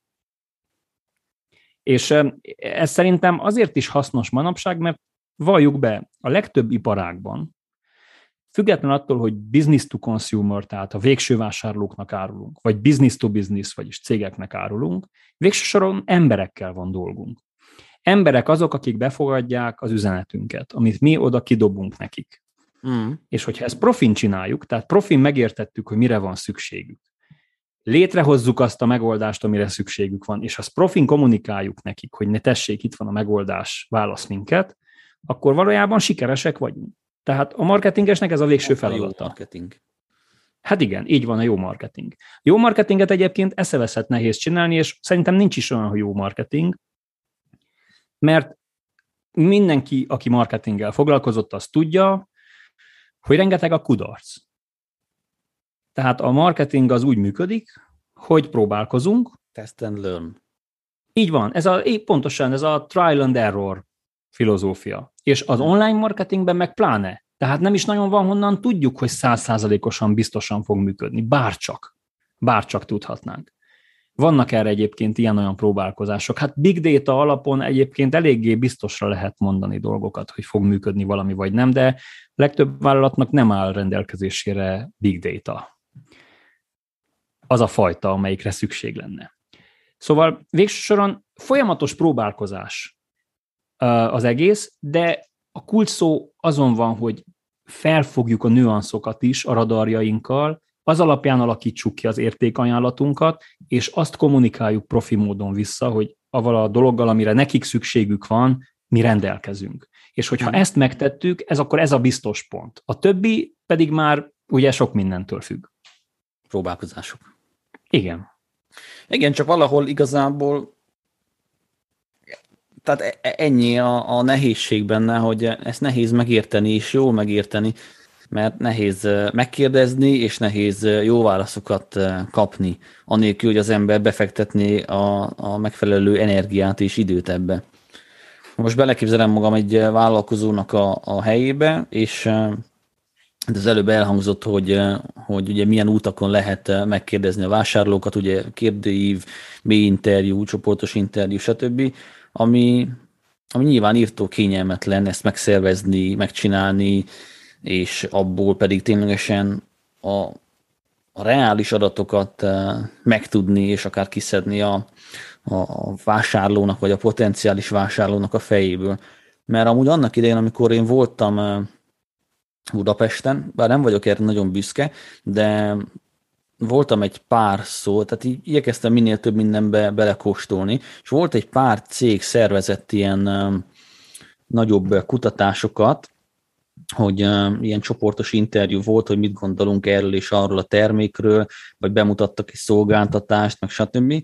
És um, konkrétan az egyik esetben egy nagy, um, egy nagy uh, ilyen fogadó iroda tervezett egy új szolgáltatást indítani, és megkérdezte a, a potenciális vásárlókat, hogy, hogy mit gondolnak arról a termékről. És az volt a feltétele ennek, a, ennek az interjúnak, tehát hogy részt vehessél rajta, nyilván fizették, hogy kellett legyen neked regisztrált fiókod, és nem tudom mennyi X összeget már el kellett költsél ilyen online focin, meg, meg stb. És például ezen az interjún is volt legalább, tehát már nem is tudom, azt hiszem, hogy nyolcan voltunk benne, de volt legalább három ember, akinek ténylegesen lerít, hogy fogalma nincsen arról, hogy ő mit csinálott. Tehát ő ott bekamuzott mindent, nyilván leellenőrizni nem lehetett, és akkor az ő véleményére lehet, hogy alapozott a cég, hogyha ugye a kérdezőnek, vagy az interjúvolónak ez nem esett le. Szóval nagyon sok a... Tehát a piackutatás az nem egy egyszerű, nem egy egyszerű sztori. Valóban így van, ráadásul méregdrága. Én piackutatást abban a formában, amit piackutatás alatt értenek a vállalati világban, kis- és középvállalatoknak nem is javaslok, mert az a fajta piackutatás, ami, ami reprezentatív, és olyan következtetéseket enged le, levonni, amelyik, amelyek használhatóak, az valószínűleg, hogy túl drága, és nem biztos, hogy megéri egy, egy olyan cég számára. Amit viszont szoktam mondani az az, és ez valószínűleg, hogy azért is, hát azért is szoktam, mert néha én is megtanultam ezt a leckét, tehát volt néhány alkalom, amikor megtanultam. Bizonyos területeken, bizonyos iparágakban um, és hát ugye ezt ugye te biztos fogod tudni, hogy mire gondolok, mert pszichológusok tudják, hogy ez így működik, hogy az embereknek sokszor fogalmuk nincs, hogy mit akarnak, fogalmuk nincs, hogy hogy fogalmazzák meg, hogy mit akarnak, hogy mi bajuk van, és hogyha mi a szükségletek után matatunk, akkor nem is biztos, hogy azt képesek elmondani, mert még soha nem gondolkodtak rajta. Gondoljunk egy ruhavásárlásra. Most ugye az ősember volt az utolsó, aki úgy Isten igazából azért akart ruhát, mert hogy fázott. Vagy utána ezek, ezek a szükségletek a ruhával nagyon komplikáltá váltak. Tehát ma, amikor bemegyünk egy zarába, vagy mit tudom én hova, hogy nyilván nem, nem azt a két dolgot akarjuk megoldani a szükségleteink közül, hogy ne fázzunk meg, vagy pedig ne szégyenkezzünk, mert mesztelenek vagyunk. Hmm. Hanem jóval cizelláltabb, bonyolultabb, ugye itt a, a társadalmi hierarchia, meg signaling, meg hát egy szociálpszichológiai jelenség az egész. Tehát nyilván, hogy, és hogyha megkérdezzük az illetőt, akkor szint, lehet is biztos, hogy valami olyan dolgot fog tudni mondani, amit a Zara használhatna például a piackutatás alkalmával. Úgyhogy én azt szoktam mindig mondani, hogy ha egy lehetőség van rá, akkor egy olyan mechanizmust kell felépítsen egy cég, amivel az emberek viselkedését tudja mérni. Nem a gondolatait, nem az érzelmeit, mert azt ugye néha akkor az emberekkel elmondják, és ez egy ilyen módszertani probléma, attól függ, hogy mit kérdezzünk. Van ez a klasszikus példa, hogy ugye, hogyha Ford megkérdezte volna, hogy mit szeretnének az emberek, akkor azt mondták volna, hogy gyorsabb lovakat. Pontosan így van. Ez a legjobb példa, ez abszolút jackpot. Pontosan ez, erről van szó. Ha viszont egy olyan mechanizmust építünk ki technológiák által, amivel mérni tudjuk, hogy hogy viselkednek, na a viselkedés az nem hazudik, igaz? Tehát az a végső metrik, a viselkedés. Igen. És hát ugye az online világban szerencsére ezt viszonylag könnyű megoldani. Egyre több pénzbe kerül, de könnyű. Tehát, hogyha jól értem, akkor arra gondolsz, hogy eh, például, hogyha veszünk egy klasszikus webshopot, akkor nekik ezek a viselkedés mutatók, ezek konkrétan egy, egy, eh, egy hirdetés esetében az jelentene, hogy oké, okay, mekkora az átkattintási arány, akkor a landing, tehát a landoló oldalról a kosár oldalba mennyi az átkattintási arány, a kosárból a checkoutba megint mennyi az átkattintási arány, és akkor a checkoutból hány vásárol. És ezeket Pontosan. a viselgetésbeli dolgokat kellene e, alaposan figyelni. Pontosan így van. Tehát ugye konverziók, a különböző, tehát van a vásárlói útvonal, attól a ponttól, hogy látja a hirdetésünk egészen addig a pontig, hogy vásárlónká válik, és megjelenik a képernyőjén, hogy köszönjük a vásárlást. Ez egy vásárlói útvonal, ez fázisokra, szakaszokra osztható, és nekünk az az érdekünk, hogy mindegyik fázisban, mindegyik szakaszban legyen olyan technológiánk, ami által mérhetővé váljon, hogy abban a fázisban, abban a szakaszban pontosan mit is csinál. Sokszor az is egy fontos mérőszám, hogy mennyi ideig csinálja. Igaz? Tehát gondoljunk a következőre. Valaki megérkezik egy webshop egy bizonyos aloldalára, egy terméknek az oldalára, egy Google-es hirdetésből, és három másodperc után már is tovább kattint onnan, és végül egy másik terméket vásárol meg. Tehát ez az A eset. A B eset. Megérkezik arra a, annak a terméknek az oldalára, és eltelik 4-5 perc, és scrollozgat közben, és még jobb klikkel megnyit különböző alternatívákat egy újabb tabokban, újabb fülekben. Uh-huh. Na mhm. hát ez nem egy másik típusú viselkedés, tehát szinte érezzük, hogy történik ott valami. És nekünk az az érdekünk, hogy... Össze, hogy az oldalakat, meg az ajánlatokat. Pontosan így van. Nekünk az az érdekünk, hogy, hogy a, a konverziókat is mérjük, tehát konverzió alatt ugye azt értjük, hogy megvalósul egy célunk, tehát például a vásárlás az egy konverzió. Viszont az is konverzió, hogy hányan kattintanak mondjuk a összes megjelent hirdetés közül hányan kattintanak, az ilyen részkonverzió, úgy mikrokonverzió, vagy hogy, hogy még mit csinálnak közben. Tehát különböző ilyen metrikákat, különböző mérőszámokat lehet megfogalmazni, különböző technológiákkal lehet ezeket mérni, és hogyha mi meg tudjuk oldani azt, hogy a vásárlói útvonalat annak teljes szélességében mérhetővé tegyük, akkor, akkor már nem biztos, hogy szükségünk van komolyabb piackutatásokra. Világos. Csak engedek két, két hozzáfűzni való még ehhez. Az Igen. egyik az az, hogy a piackutatás tényleg egy érdekes dolog. Tehát, hogyha megnézzük akár a magyarországi választásokat, akkor totál tévút volt egész végig, amit, amit kutattak, és nem, nem gyenge, vagy nem kis cégek. A másik hozzáfűzni való pedig az, hogy, hogy és innentől kezdődik érdekes a játék, mert amikor ugye vannak számaid, akkor uh, tudsz azokon egyrészt dolgozni, meg másrészt ugye ez a nem olyan új, de egy pár éves trend, hogyha például valaki robotporszívót akar venni, akkor az nem úgy kezdődik, hogy felmegyek az emagra és megveszem az első robot, vagy meglátok egy reklámot, hanem úgy működik, hogy, hogy elkezdek olvasni utána, hogy melyik a legjobb, melyik jó ide, melyik jó az ilyen felületre, olyan felületre, hogy működnek egyáltalán, és most nagyon sok cég felismerte azt, hogy konkrétan nem is robotporszívókat hirdetnek, hanem hogyan blogokat hirdetnek, hogy kialakuljon ugye egy ilyen szakértői image, és aztán majd onnan fog az ember valószínűleg vásárolni, ahonnan a legtöbb értéket kapta, a legtöbb tudást. Úgyhogy nagyon, nagyon érdekes játszótér most már így az online marketing világ. Valóban így van, valóban így van, és reméljük, hogy így is marad olyan szempontból, hogy, hogy nem az lesz, hogy egyre drágább lesz egy ilyen ökoszisztémát fenntartani, tehát ugye több technológiát használunk összekapcsolva, azt hívom én ökoszisztémának. Ez ugye egy elég drága mulatság kezd lenni, egyre többet tud, tehát ezek a technológiák egyre többet nyújtanak, uh-huh. viszont, viszont van egy olyan jelenség, hogy, hogy egyre kevésbé kell hozzá, hogy is mondjam, egyre, egyre kevesebb az esélyünk, hogy mi al- al- alakítsuk ezt a rendszert, egyre inkább rá vagyunk utalva, hogy a big tech vállalatok szolgáltatásait használjuk. Azért, mert az adatok, amelyekkel ők jönnek, tehát ahogy a szolgáltatást nyújtják, hmm. az egyszerűen helyettesíthetetlen. Tehát például a Google, vagy a, a, a, a Meta, igaz, a Facebook, gyakorlatilag nagyon nehezen megkerülhetővé, megkerülhető tényezővé váltak, az ő technológiáikat nem lehet nem használni. Régebb sokkal könnyebben válogathattunk, hogy milyen csatornákat, kommunikációs csatornákat használunk, és milyen játékszabályok szerint játszunk. Ma viszont ez szűkülőben van, és hát nyilván ez nem azt jelenti, hogy ez egy rossz dolog, viszont jónak sem jó dolog, tehát különböző új kihívások keletkeznek emiatt. Abszolút. Na, de kanyarodjunk vissza egy kicsit rád, mert egy érdekes kérdést gondoltam itt közben ki, azt érzem így, ahogy beszélgettünk, hogy, hogy lehet, lehet, hogy a hallgatók azt érzik most, hogy hú, hát ez a László, ez egy, ez egy király fickó, bejött neki az élet, és hogy úgy lépegette a lépcsőket egymás után, és minden rendben volt, és az új ötletek, és a doktor, és az egyetem, és az ajánlás, és hogy, hogy milyen, milyen, milyen király élete van, és milyen, milyen könnyen összejött neki a, az élet.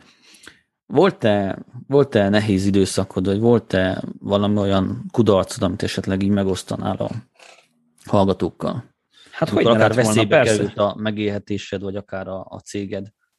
Jaj, hát akkor céges szempontból akkor mondanék egy-két példát. Hát nyilván ugye, hogy az előbb is említettem, a marketing az nagyon gyakran trial and error tevékenység, tehát gyakorlatilag próbálkozunk, ha bejön, akkor folytatjuk, ha nem, akkor abba hagyjuk és emiatt ö, több olyan projektben voltam én is jelen, amelyik vagy nagyon nehezen indult, vagy túl későre ért be a siker része, vagy nagyon nem talált a szó köztem és az ügyfél kapcsolattartója között. Szóval ilyen jellegű, um, ilyen jellegű kihívások voltak. Ugye nem mindenkinek smakkol, amikor, amikor olvasnivalót kap például tőlem mondjuk egy terv nagyon gyakran, vagy egy piackutatás, vagy pedig egy, egy ilyen elemzés, az nagyon gyakran olvasni való, igaz, és, és vannak helyek, ahol ez nincsenek hozzászokva, mert valahogy úgy gondolják, hogy, a, hogy nem, nem beszélni kell, hanem tenni kell. Na most a helyzet az, hogy bizonyos esetekben a jó döntésért előbb beszélni kell. Előbb olvasni kell róla, és hogyha az ügyfél nem érti meg, hogy mit csinálunk, akkor az később bajokhoz vezethet. Úgyhogy például ebből voltak gondok, én emlékszem, hogy többször is jártam így, hogy eleinte kicsit naívan arra gondoltam, hogy mindenki, mindenki beszéli a marketinges nyelvet, például ez egy jellemző probléma volt, és többször kiderült, ilyen mulatságos módon derült ki, hogy a felét nem értik annak, amit beszélek, és nem az ő hibájuk volt egyáltalán, hanem, hanem az enyém, mert nem adaptáltam, amit akartam mondani. Tehát ilyen jellegű probléma volt. Volt olyan probléma is, hogy kudarccal végződött a projekt, tehát ilyen is volt sajnos. Több tényező közrejátszott valójában így, így visszagondolva, nagyon nehéz lett volna kivédeni, vagy megfejteni ott miközben dolgozunk rajta, mert így utólag így egy, egy webáruházról van szó, melyiknek végül a stratégiája megfenek és nem működött. Um, és hát a mai napig is úgy működik, hogy hát, hogy is mondjam, működhetne sokkal jobban is. Szóval például ott gyakorlatilag a fő ok az nem lehet tudni, mi volt. Lehet, hogy rossz volt az időzítése a webáruház létrehozásának, a célcsoportnak a belövése, a célcsoport meg, meg ö, ö, ö, fogalmazás, hogy kik azok, akiknek, akikhez szólnunk kellene, az, az sem volt tökéletes. Tehát ott is voltak gondok. Szóval ilyen jellegű problémák voltak nagy részt, és hogyha így, most így a szakmai karrieremen belül arányt azt nem nagyon tudnék mondani, mert elég sok ügyfél volt, és volt olyan, olyan ügyfél is, amelyiknél bizonyos dolgok nagyon jól működtek, más dolgok meg nem. Tehát azt nem lehet azt annak mondani, hogy kudarc. Viszont sikernek sem volt egy százszázalékos siker. Tehát azt, le, azt tudnám mondani, hogy volt hát talán olyan három, négy, öt olyan helyzet, amelyik számomra nagyon kudarc ízű, viszont mindegyikből olyan dolgokat tanultam meg, amelyeket azóta nem követtem el. És ennek nagyon örülök. Elmondasz egyet? Mert ugye, hogy? Elmondhatsz, elmondhatsz egyet? Hát például ez a, ez a, a, a webáruházas történet, amelyikben egy olyan terméket árultak, amelyik nagyon személyre szabható volt, és ennek a technikai megoldhatósága sántított, tehát um, valójában nehezen volt skálázható, ugye ez alatt azt értem, hogy um, fel kellett töltsenek valamit az ügyfelek, amit rányomtatott a cég valamire, és azt visszaküldte és nagyon sok paraméter nem volt jól kitalálva, és rengeteg technikai probléma volt, és az ügyfelek elégedetlenek voltak. Na most ez egy a termékkel kapcsolatos probléma is, viszont a kommunikációjában, a stratégiában, pontosabban abban, hogy akkor hogyan érjük el a célt, abban az az én szerepem, az sajnos az nem jött be, hogy nem a megfelelő ügyfeleket céloztuk meg. Olyanokra gondoltunk, akik a valóságban hát léteznek, viszont nagy valószínűséggel nem, nem úgy gondolnak erre a problémára, mint ahogy mi gondoltunk annak idején, és végül teljesen más típusú ügyfelek jöttek, totálisan más típusú ügyfelek jöttek, úgyhogy valójában ott el, elvesztettünk két-három hónapot, és ez az én hibám volt, mert, um, mert olyan mert egy döntést kellett hozni az adatok alapján, és hmm. végül kiderült, hogy az adatok alapján az a döntés nem volt helyes. Hiába, volt, hiába azt mondták az adatok, amit mondtak, viszont utólag a piac nem igazolta. És hát valljuk be, azért marketingben gyakori az ilyesmi, viszont akkor én úgy éreztem, hogy nagyon mellé lőttem, és azóta megtanultam, hogy pusztán csak azért, mert vannak adataink, az nem azt jelenti, hogy azok az adatok a valóságot mutatják. Ez volt abból a fő lecke. Tehát így ez lenne a konkrétabb példa, amit mondanék. De hadd mondjak még egy másik ilyen kudarcos dolgot. Hát az is kudarcos dolog szerintem, amikor elindul a marketing tevékenység egy nagyobb cégnél, és um, a többi, többi depart, vagy hát a többi osztály, a többi része a cégnek fúrja a marketing tevékenységet. Tehát akadályozza, botlasztja belső problémák miatt, belső csoportdinamikai problémák miatt. Uh-huh. Na most, és hogyha erre későn jön rá az ember, tanácsadó, tehát azt látja, hogy nem mennek az Istennek se a dolgok, és nem tudod, hogy miért nem mennek, és akkor rá fél évre leesik, hogy talán azért nem mennek, mert ez a cég úgy működik, hogy az egyik lába botlasztja a másikat. Na most ez se kellemes. Tehát a, a szolgáltatás nem akar többet dolgozni. Hát tulajdonképpen a marketing jól működése szúrja a szemét másoknak. Oh. Egyébként ez egy gyakori dolog. Például ugye tanítjuk is ezt, gyakran a marketing és a sales, hogyha két külön osztály, két külön részleg a cégen belül, nagyon gyakran vannak ilyen-olyan kisebb konfliktusok, abból kifolyólag, hogy a szélszesek ugye ők úgy tekintik, hogy ők azok, akik hozzák a bevételt, és a marketing kellene segítse az ő munkájukat, és még arra sem képesek. Most mhm. általában ez abból fakad, hogy a szélszesek vannak kitéve a legnagyobb arcvesztési kockázatnak, tehát ők el kell menjenek eladni a terméket vagy a szolgáltatást, és ha visszapattannak, akkor rosszul érzik magukat emiatt, és az kinek a hibája? Hát a marketingé. Lehet, hogy rossz volt a marketing, a kiadványok, amikkel a szélszesek mentek, vagy nem volt jól előkészítve, vagy nem voltak jók a leadek, a potenciális vásárlók, stb. Tehát, hogy valójában nagyon gyakori ez az ilyen csörte a sales és a marketing között, ami, ami ennek tudható be, hogy a szélszesek vannak, az ő bőrük van közvetlenül a vásáron, és a marketingeseknek pedig a bőre a közv, közvetetten van a vásáron. Szerintem egyébként ők az egy, egy jó marketinges... Google-ben. Hogy? A marketingesek az egy csillagot kapják a Google-ben. Igen. Itt egy, egy zárójelet nyitanék, amelyik nagyon fontos. Szerintem, ha valaki a hallgatók közül jó marketinges akar lenni, akkor próbálja meg beledobni magát a mély vízbe, mert ez az a terület, ahol a legtöbb problémát úgy lehet nagyon hamar orvosolni, hogyha az ember megszokja, hogy hol, hol, vannak, hol van a legnagyobb kockázat. Vigyük bőrre, a bőrünket vásárra. Tehát, hogyha a bőrünk a vásáron van, akkor hajlamosabbak vagyunk sokkal gyorsabban, radikálisabban tanulni, és azután annak a tapasztalatnak nagyon-nagyon nagy hasznát vesszük. Nyomás alatt nő a pálma, ugye? Így van, pontosan, Crestitsu pondere palma. Pontosan így van. Igen, így van, és a marketingesekre egyébként ez gyakran nem jellemző, azért, mert a marketingesek azok azok a vagány fickók az irodából, akik adatok alapján nézelődnek, döntéseket hoznak, mellette meg kreatívak, és kitalálnak jó szövegeket, meg stb.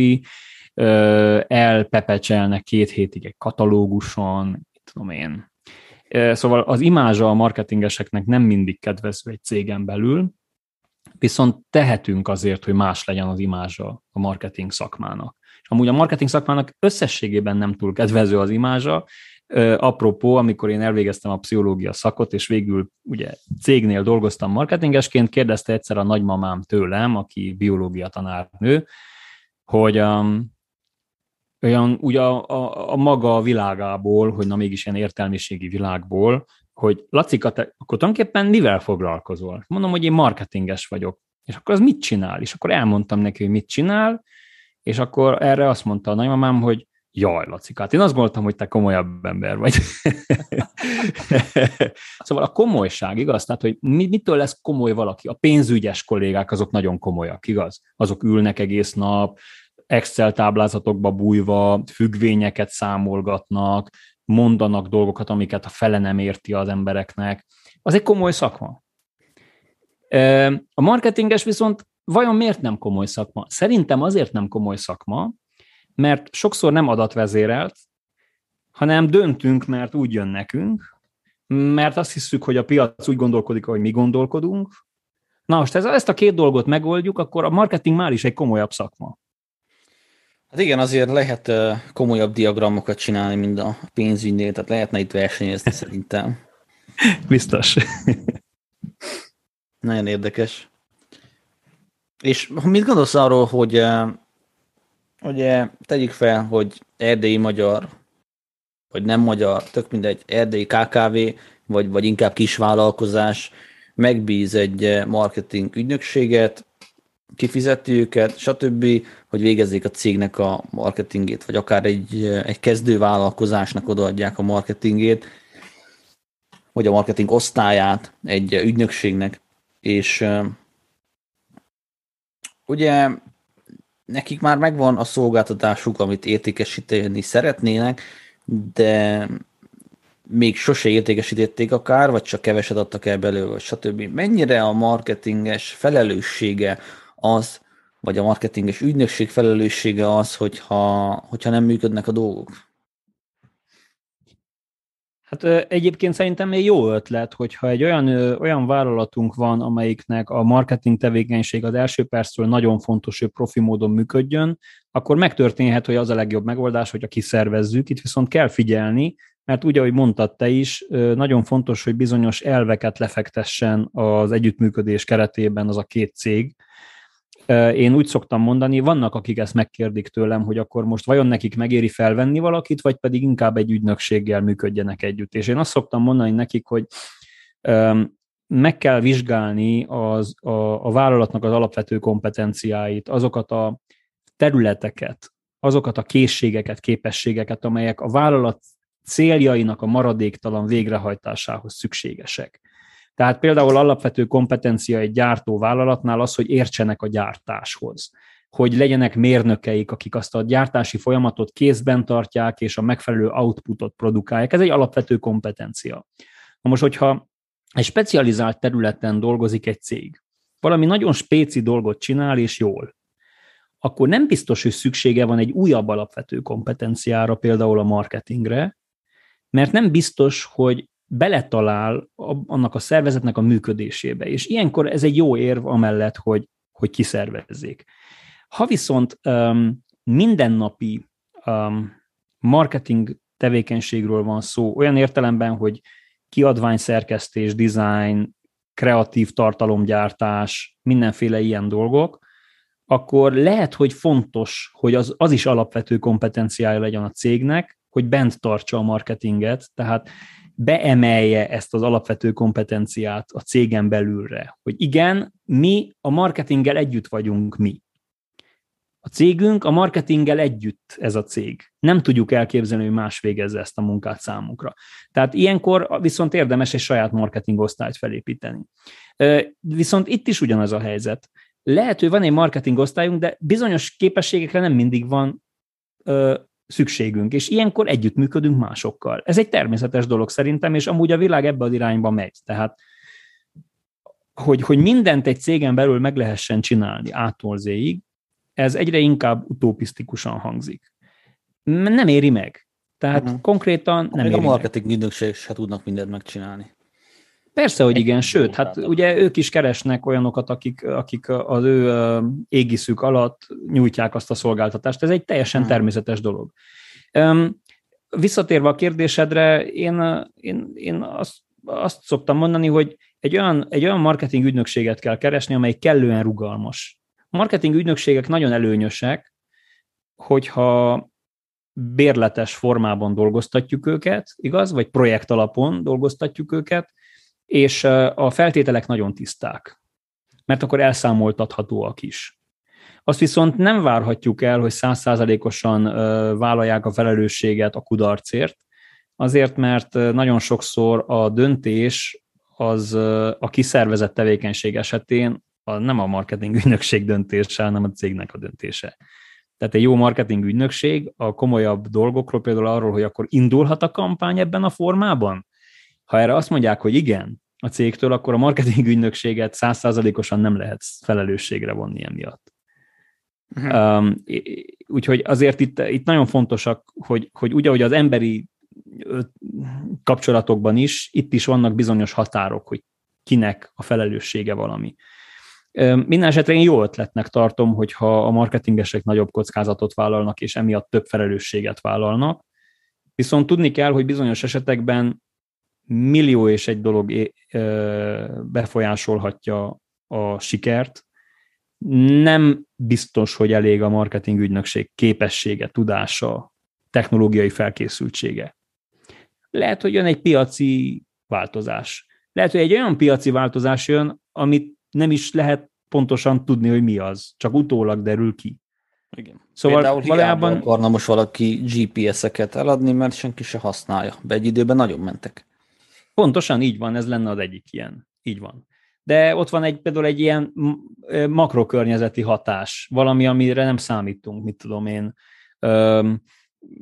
Bizonyos nyersanyagból dolgozunk, a marketing üzenetünk abból áll, hogy versenyképes áraink vannak, és akkor egyszer csak történik egy, egy szomszédországban valamilyen szörnyűség, emiatt megszakadnak különböző ellátási láncok, emiatt alternatív források után kell nézni, és emiatt a nyersanyagunk jóval drágább lesz, rossz tárgyalási pozícióból indulunk, nem tudunk olcsóbb árat összehozni, emiatt már is nem versenyképes az árunk, és akkor a marketingesek mit csináljanak?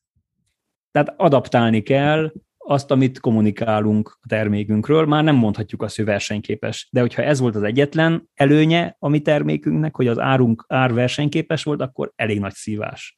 Akkor újra kell pozícionálni a terméket, valamit ki kell vele találni.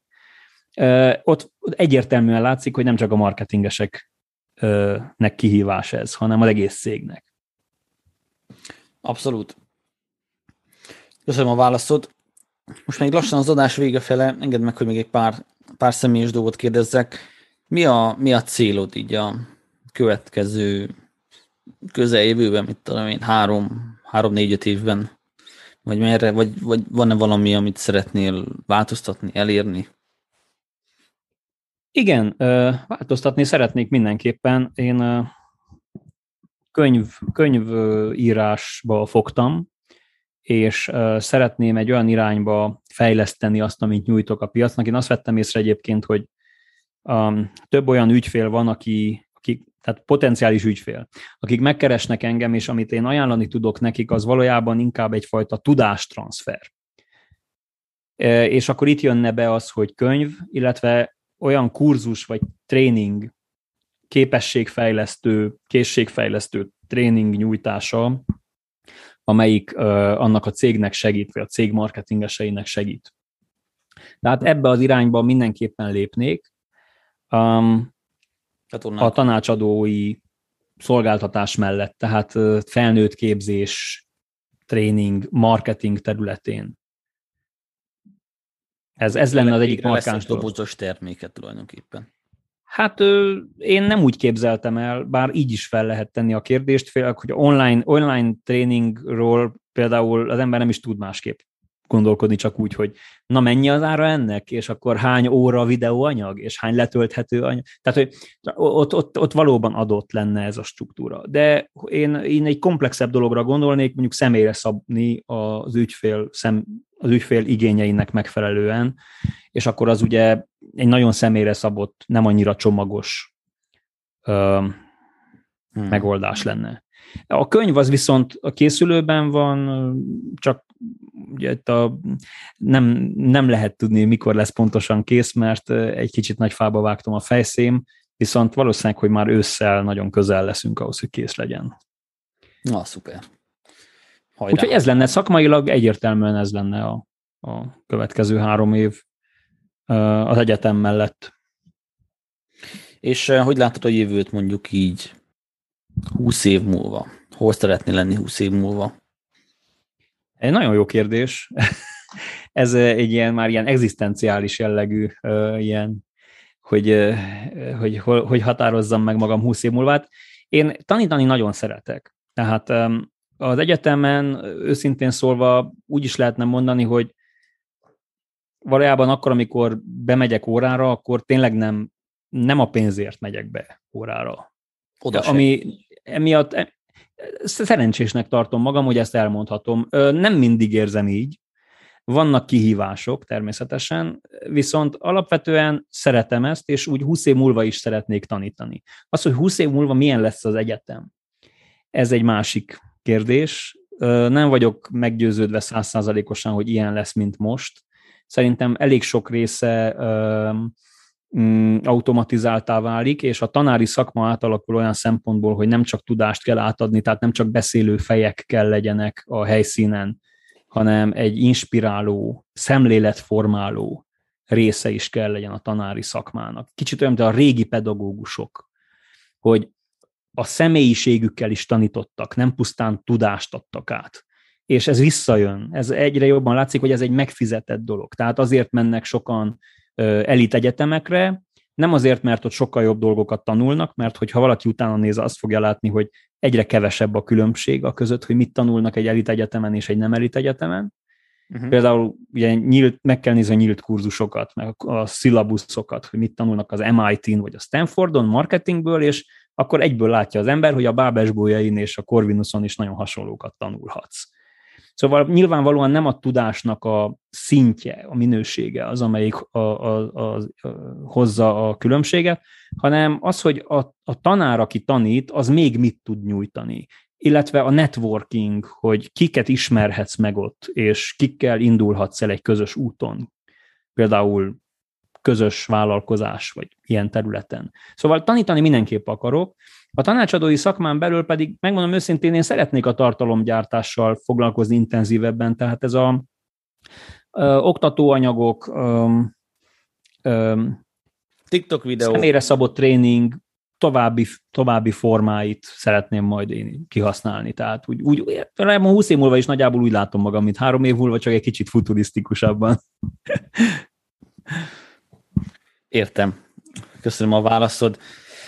Uh, ut, ut, utolsó, utolsó előtti kérdés, hogy uh, tudnál esetleg ajánlani egy pár uh, kurzust, könyvet, tan, tananyagot azoknak a hallgatóknak, akik, akiknek mondjuk konkrét cégük van, és szeretnének a marketingben is fejlődni. Mit Abszolút, persze, hogy igen. Mindenképpen, és egy, egy, szoktam is amúgy ezekről így részletesebben beszélni. Hát ami nekem úgy tűnik, hogy a legjobb skill, amit most a, egy marketinges elsajátíthat, az az adat, adatvezérelt marketing, tehát, hogy képesek legyünk megfelelő adatforrásokat beállítani, mérhetővé tenni, és abból következtetéseket levonni. Tehát egyfajta adatelemzési skill együtt a, a hát hogy is fogalmazzak, együtt aval, hogy, hogy milyen tehát az interpretációval, az adatok interpretációjával.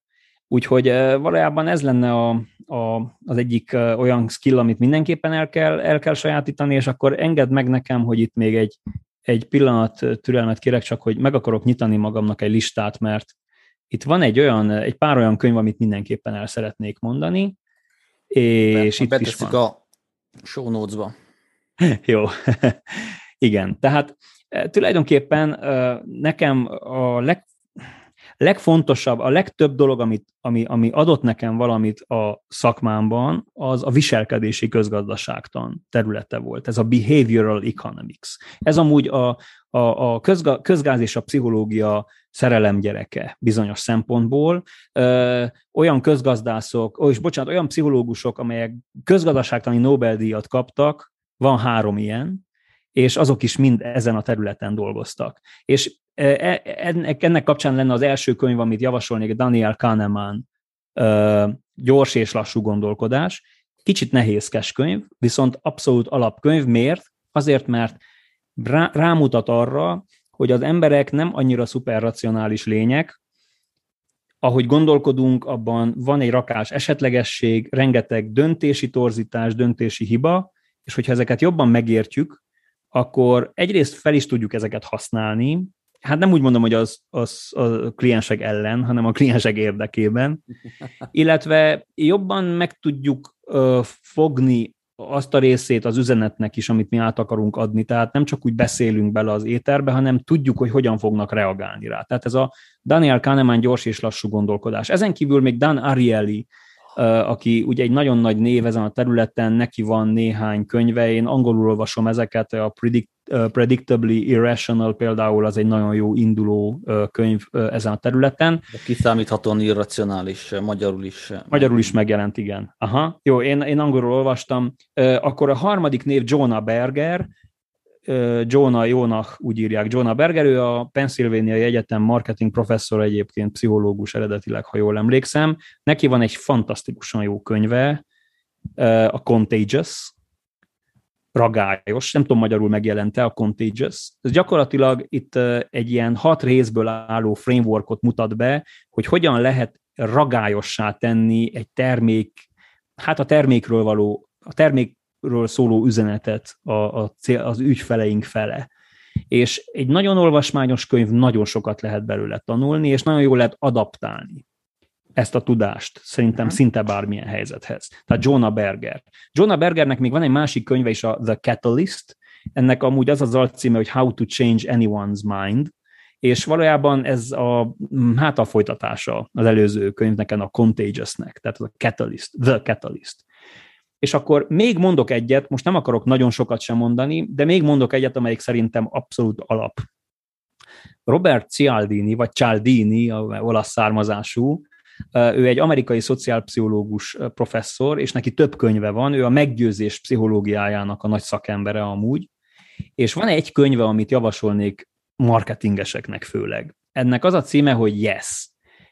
50 scientifically proving, proven ways to be persuasive. Tehát gyakorlatilag 50 olyan módját mutatja be annak, hogy hogyan lehetünk meggyőzőbbek.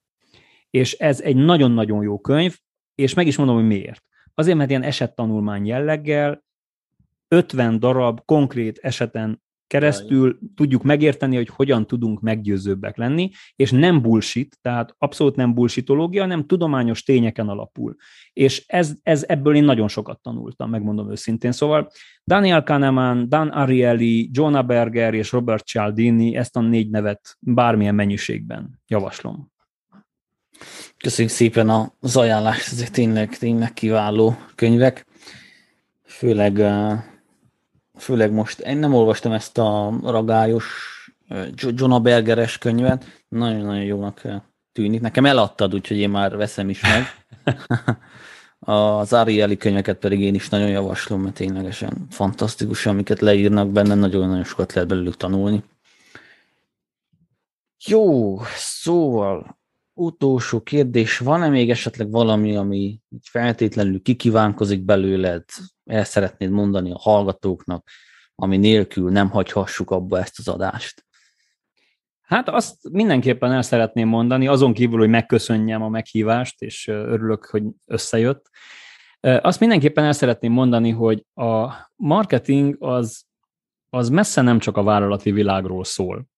És itt nem csak a meggyőzésre kell gondolni, meg arra, hogy, hogy néha a mindennapokban mi is reklámtevékenységet kell folytassunk. Például egy állásinterjún is el kell adjuk magunk, vagy mit tudom én. Tehát nem pusztán erre gondolok, hanem arra gondolok, hogy úgy is lehetne venni, hogy egy ilyen világnézeti keret a marketing, uh, olyan értelemben, hogy, hogy gondoljunk arra, amit, amit mondtam, hogy megértjük, hogy mire van szükség, létrehozzuk a megoldást rá, és kommunikáljuk ezt azokkal, akiknek szüksége van a megoldásra. Tehát ugye ezt mondtuk, hogy a marketingevel foglalkozik. Na most a, a, a magánélettől a non-profit szféráig, és amúgy a politikumtól egészen a mindenféle fajta társas helyzetekig, ugyanezt csináljuk a mindennapokban is. Tehát valójában akkor, amikor valaki marketing tudást szed össze, azt nagy hatékonysággal tudja az emberi kapcsolataiban is használni. És én nagyon bátorítok mindenkit arra, hogy kísérletezzen evel, olyan értelemben, hogy van egy, egy egyesületünk, egy alapítványunk, vagy van valami nemes cél, amire törekszünk, vagy meg akarunk oldani egy társadalmi problémát, vagy egy köz, közösségi problémát, ugyanezt a marketinges gondolkodásmódot lehet használni ott is. És ezt mindenképpen fontos elmondani azért, mert sokan hajlamosak arra, hogy azt higgyék, hogy a marketing, ja, hát a marketing az egy ilyen céges dolog. Nem csak egy céges dolog. A marketing egy emberi dolog. Emberek beszélnek emberekkel. Még. Még. Nem tudom meddig, most még igen. Szóval így, így érdemes venni. Ezt akartam még elmondani. Köszönjük szépen, és köszönöm szépen én is, hogy elfogadtad a meghívást, és itt ezt a nagyon hasznos és tanulságos gondolatokat elmutattad, illetve bemutattad az életutadat, hogy hogyan érted el azokat a fantasztikus sikereket, amit te, ami, amivel ma büszkékedhetsz tulajdonképpen. Ha van esetleg a hallgatóknak kérdésük, akkor hol eh, találnak meg téged? Hát, hogyha beírjátok a Google-be, hogy Dr. Share, Dr. Share az egy ilyen eh, vicces eh, elnevezés, Facebookon ezt a nevet adtam annak idején a Facebook oldalamnak, hogyha beírjátok Google-be, hogy Dr. Sher, vagy pedig a Facebookon, akkor ott megtaláltok, de egyébként A Google-be, ha LinkedIn-en is elérhető vagyok. Van egy weboldalam is, de gyakorlatilag a legbiztosabb, hogyha a Google-en keresztül keresgéltek, mert nagyon hamar meg lehet engem találni. Facebooktól egészen e-mailig, meg, meg, meg, meg gyakorlatilag mindenhol az összes közösségi médiumban. Van esetleg egy közös Facebook csoportunk a hallgatókkal, az erdélyi podcast, erdélyi vállalkozói podcast hallgatói csoport, Oh. Ott majd ki fogjuk posztolni ezt az adást, és nem tudom, meghívhatlak ebbe a csoportba, ha esetleg ott kommentelnek az emberek, akkor tudnál ott esetleg egy pár választ adni. Hogyne, abszolút, sőt, nagyon örülök. Köszönöm szépen a lehetőséget. Mi is köszönjük úgy, hogy biztatok minden hallgatót, hogy lépjetek be a, a privát Facebook csoportunkba, és tegyetek fel kérdéseket egyenesen Lászlónak. Akkor nincs, is már hát, nincs más hátra, mint elköszönni. Kedves hallgatók, köszönjük, hogy végighallgattatok minket, és további minden jó. Sziasztok! Sziasztok!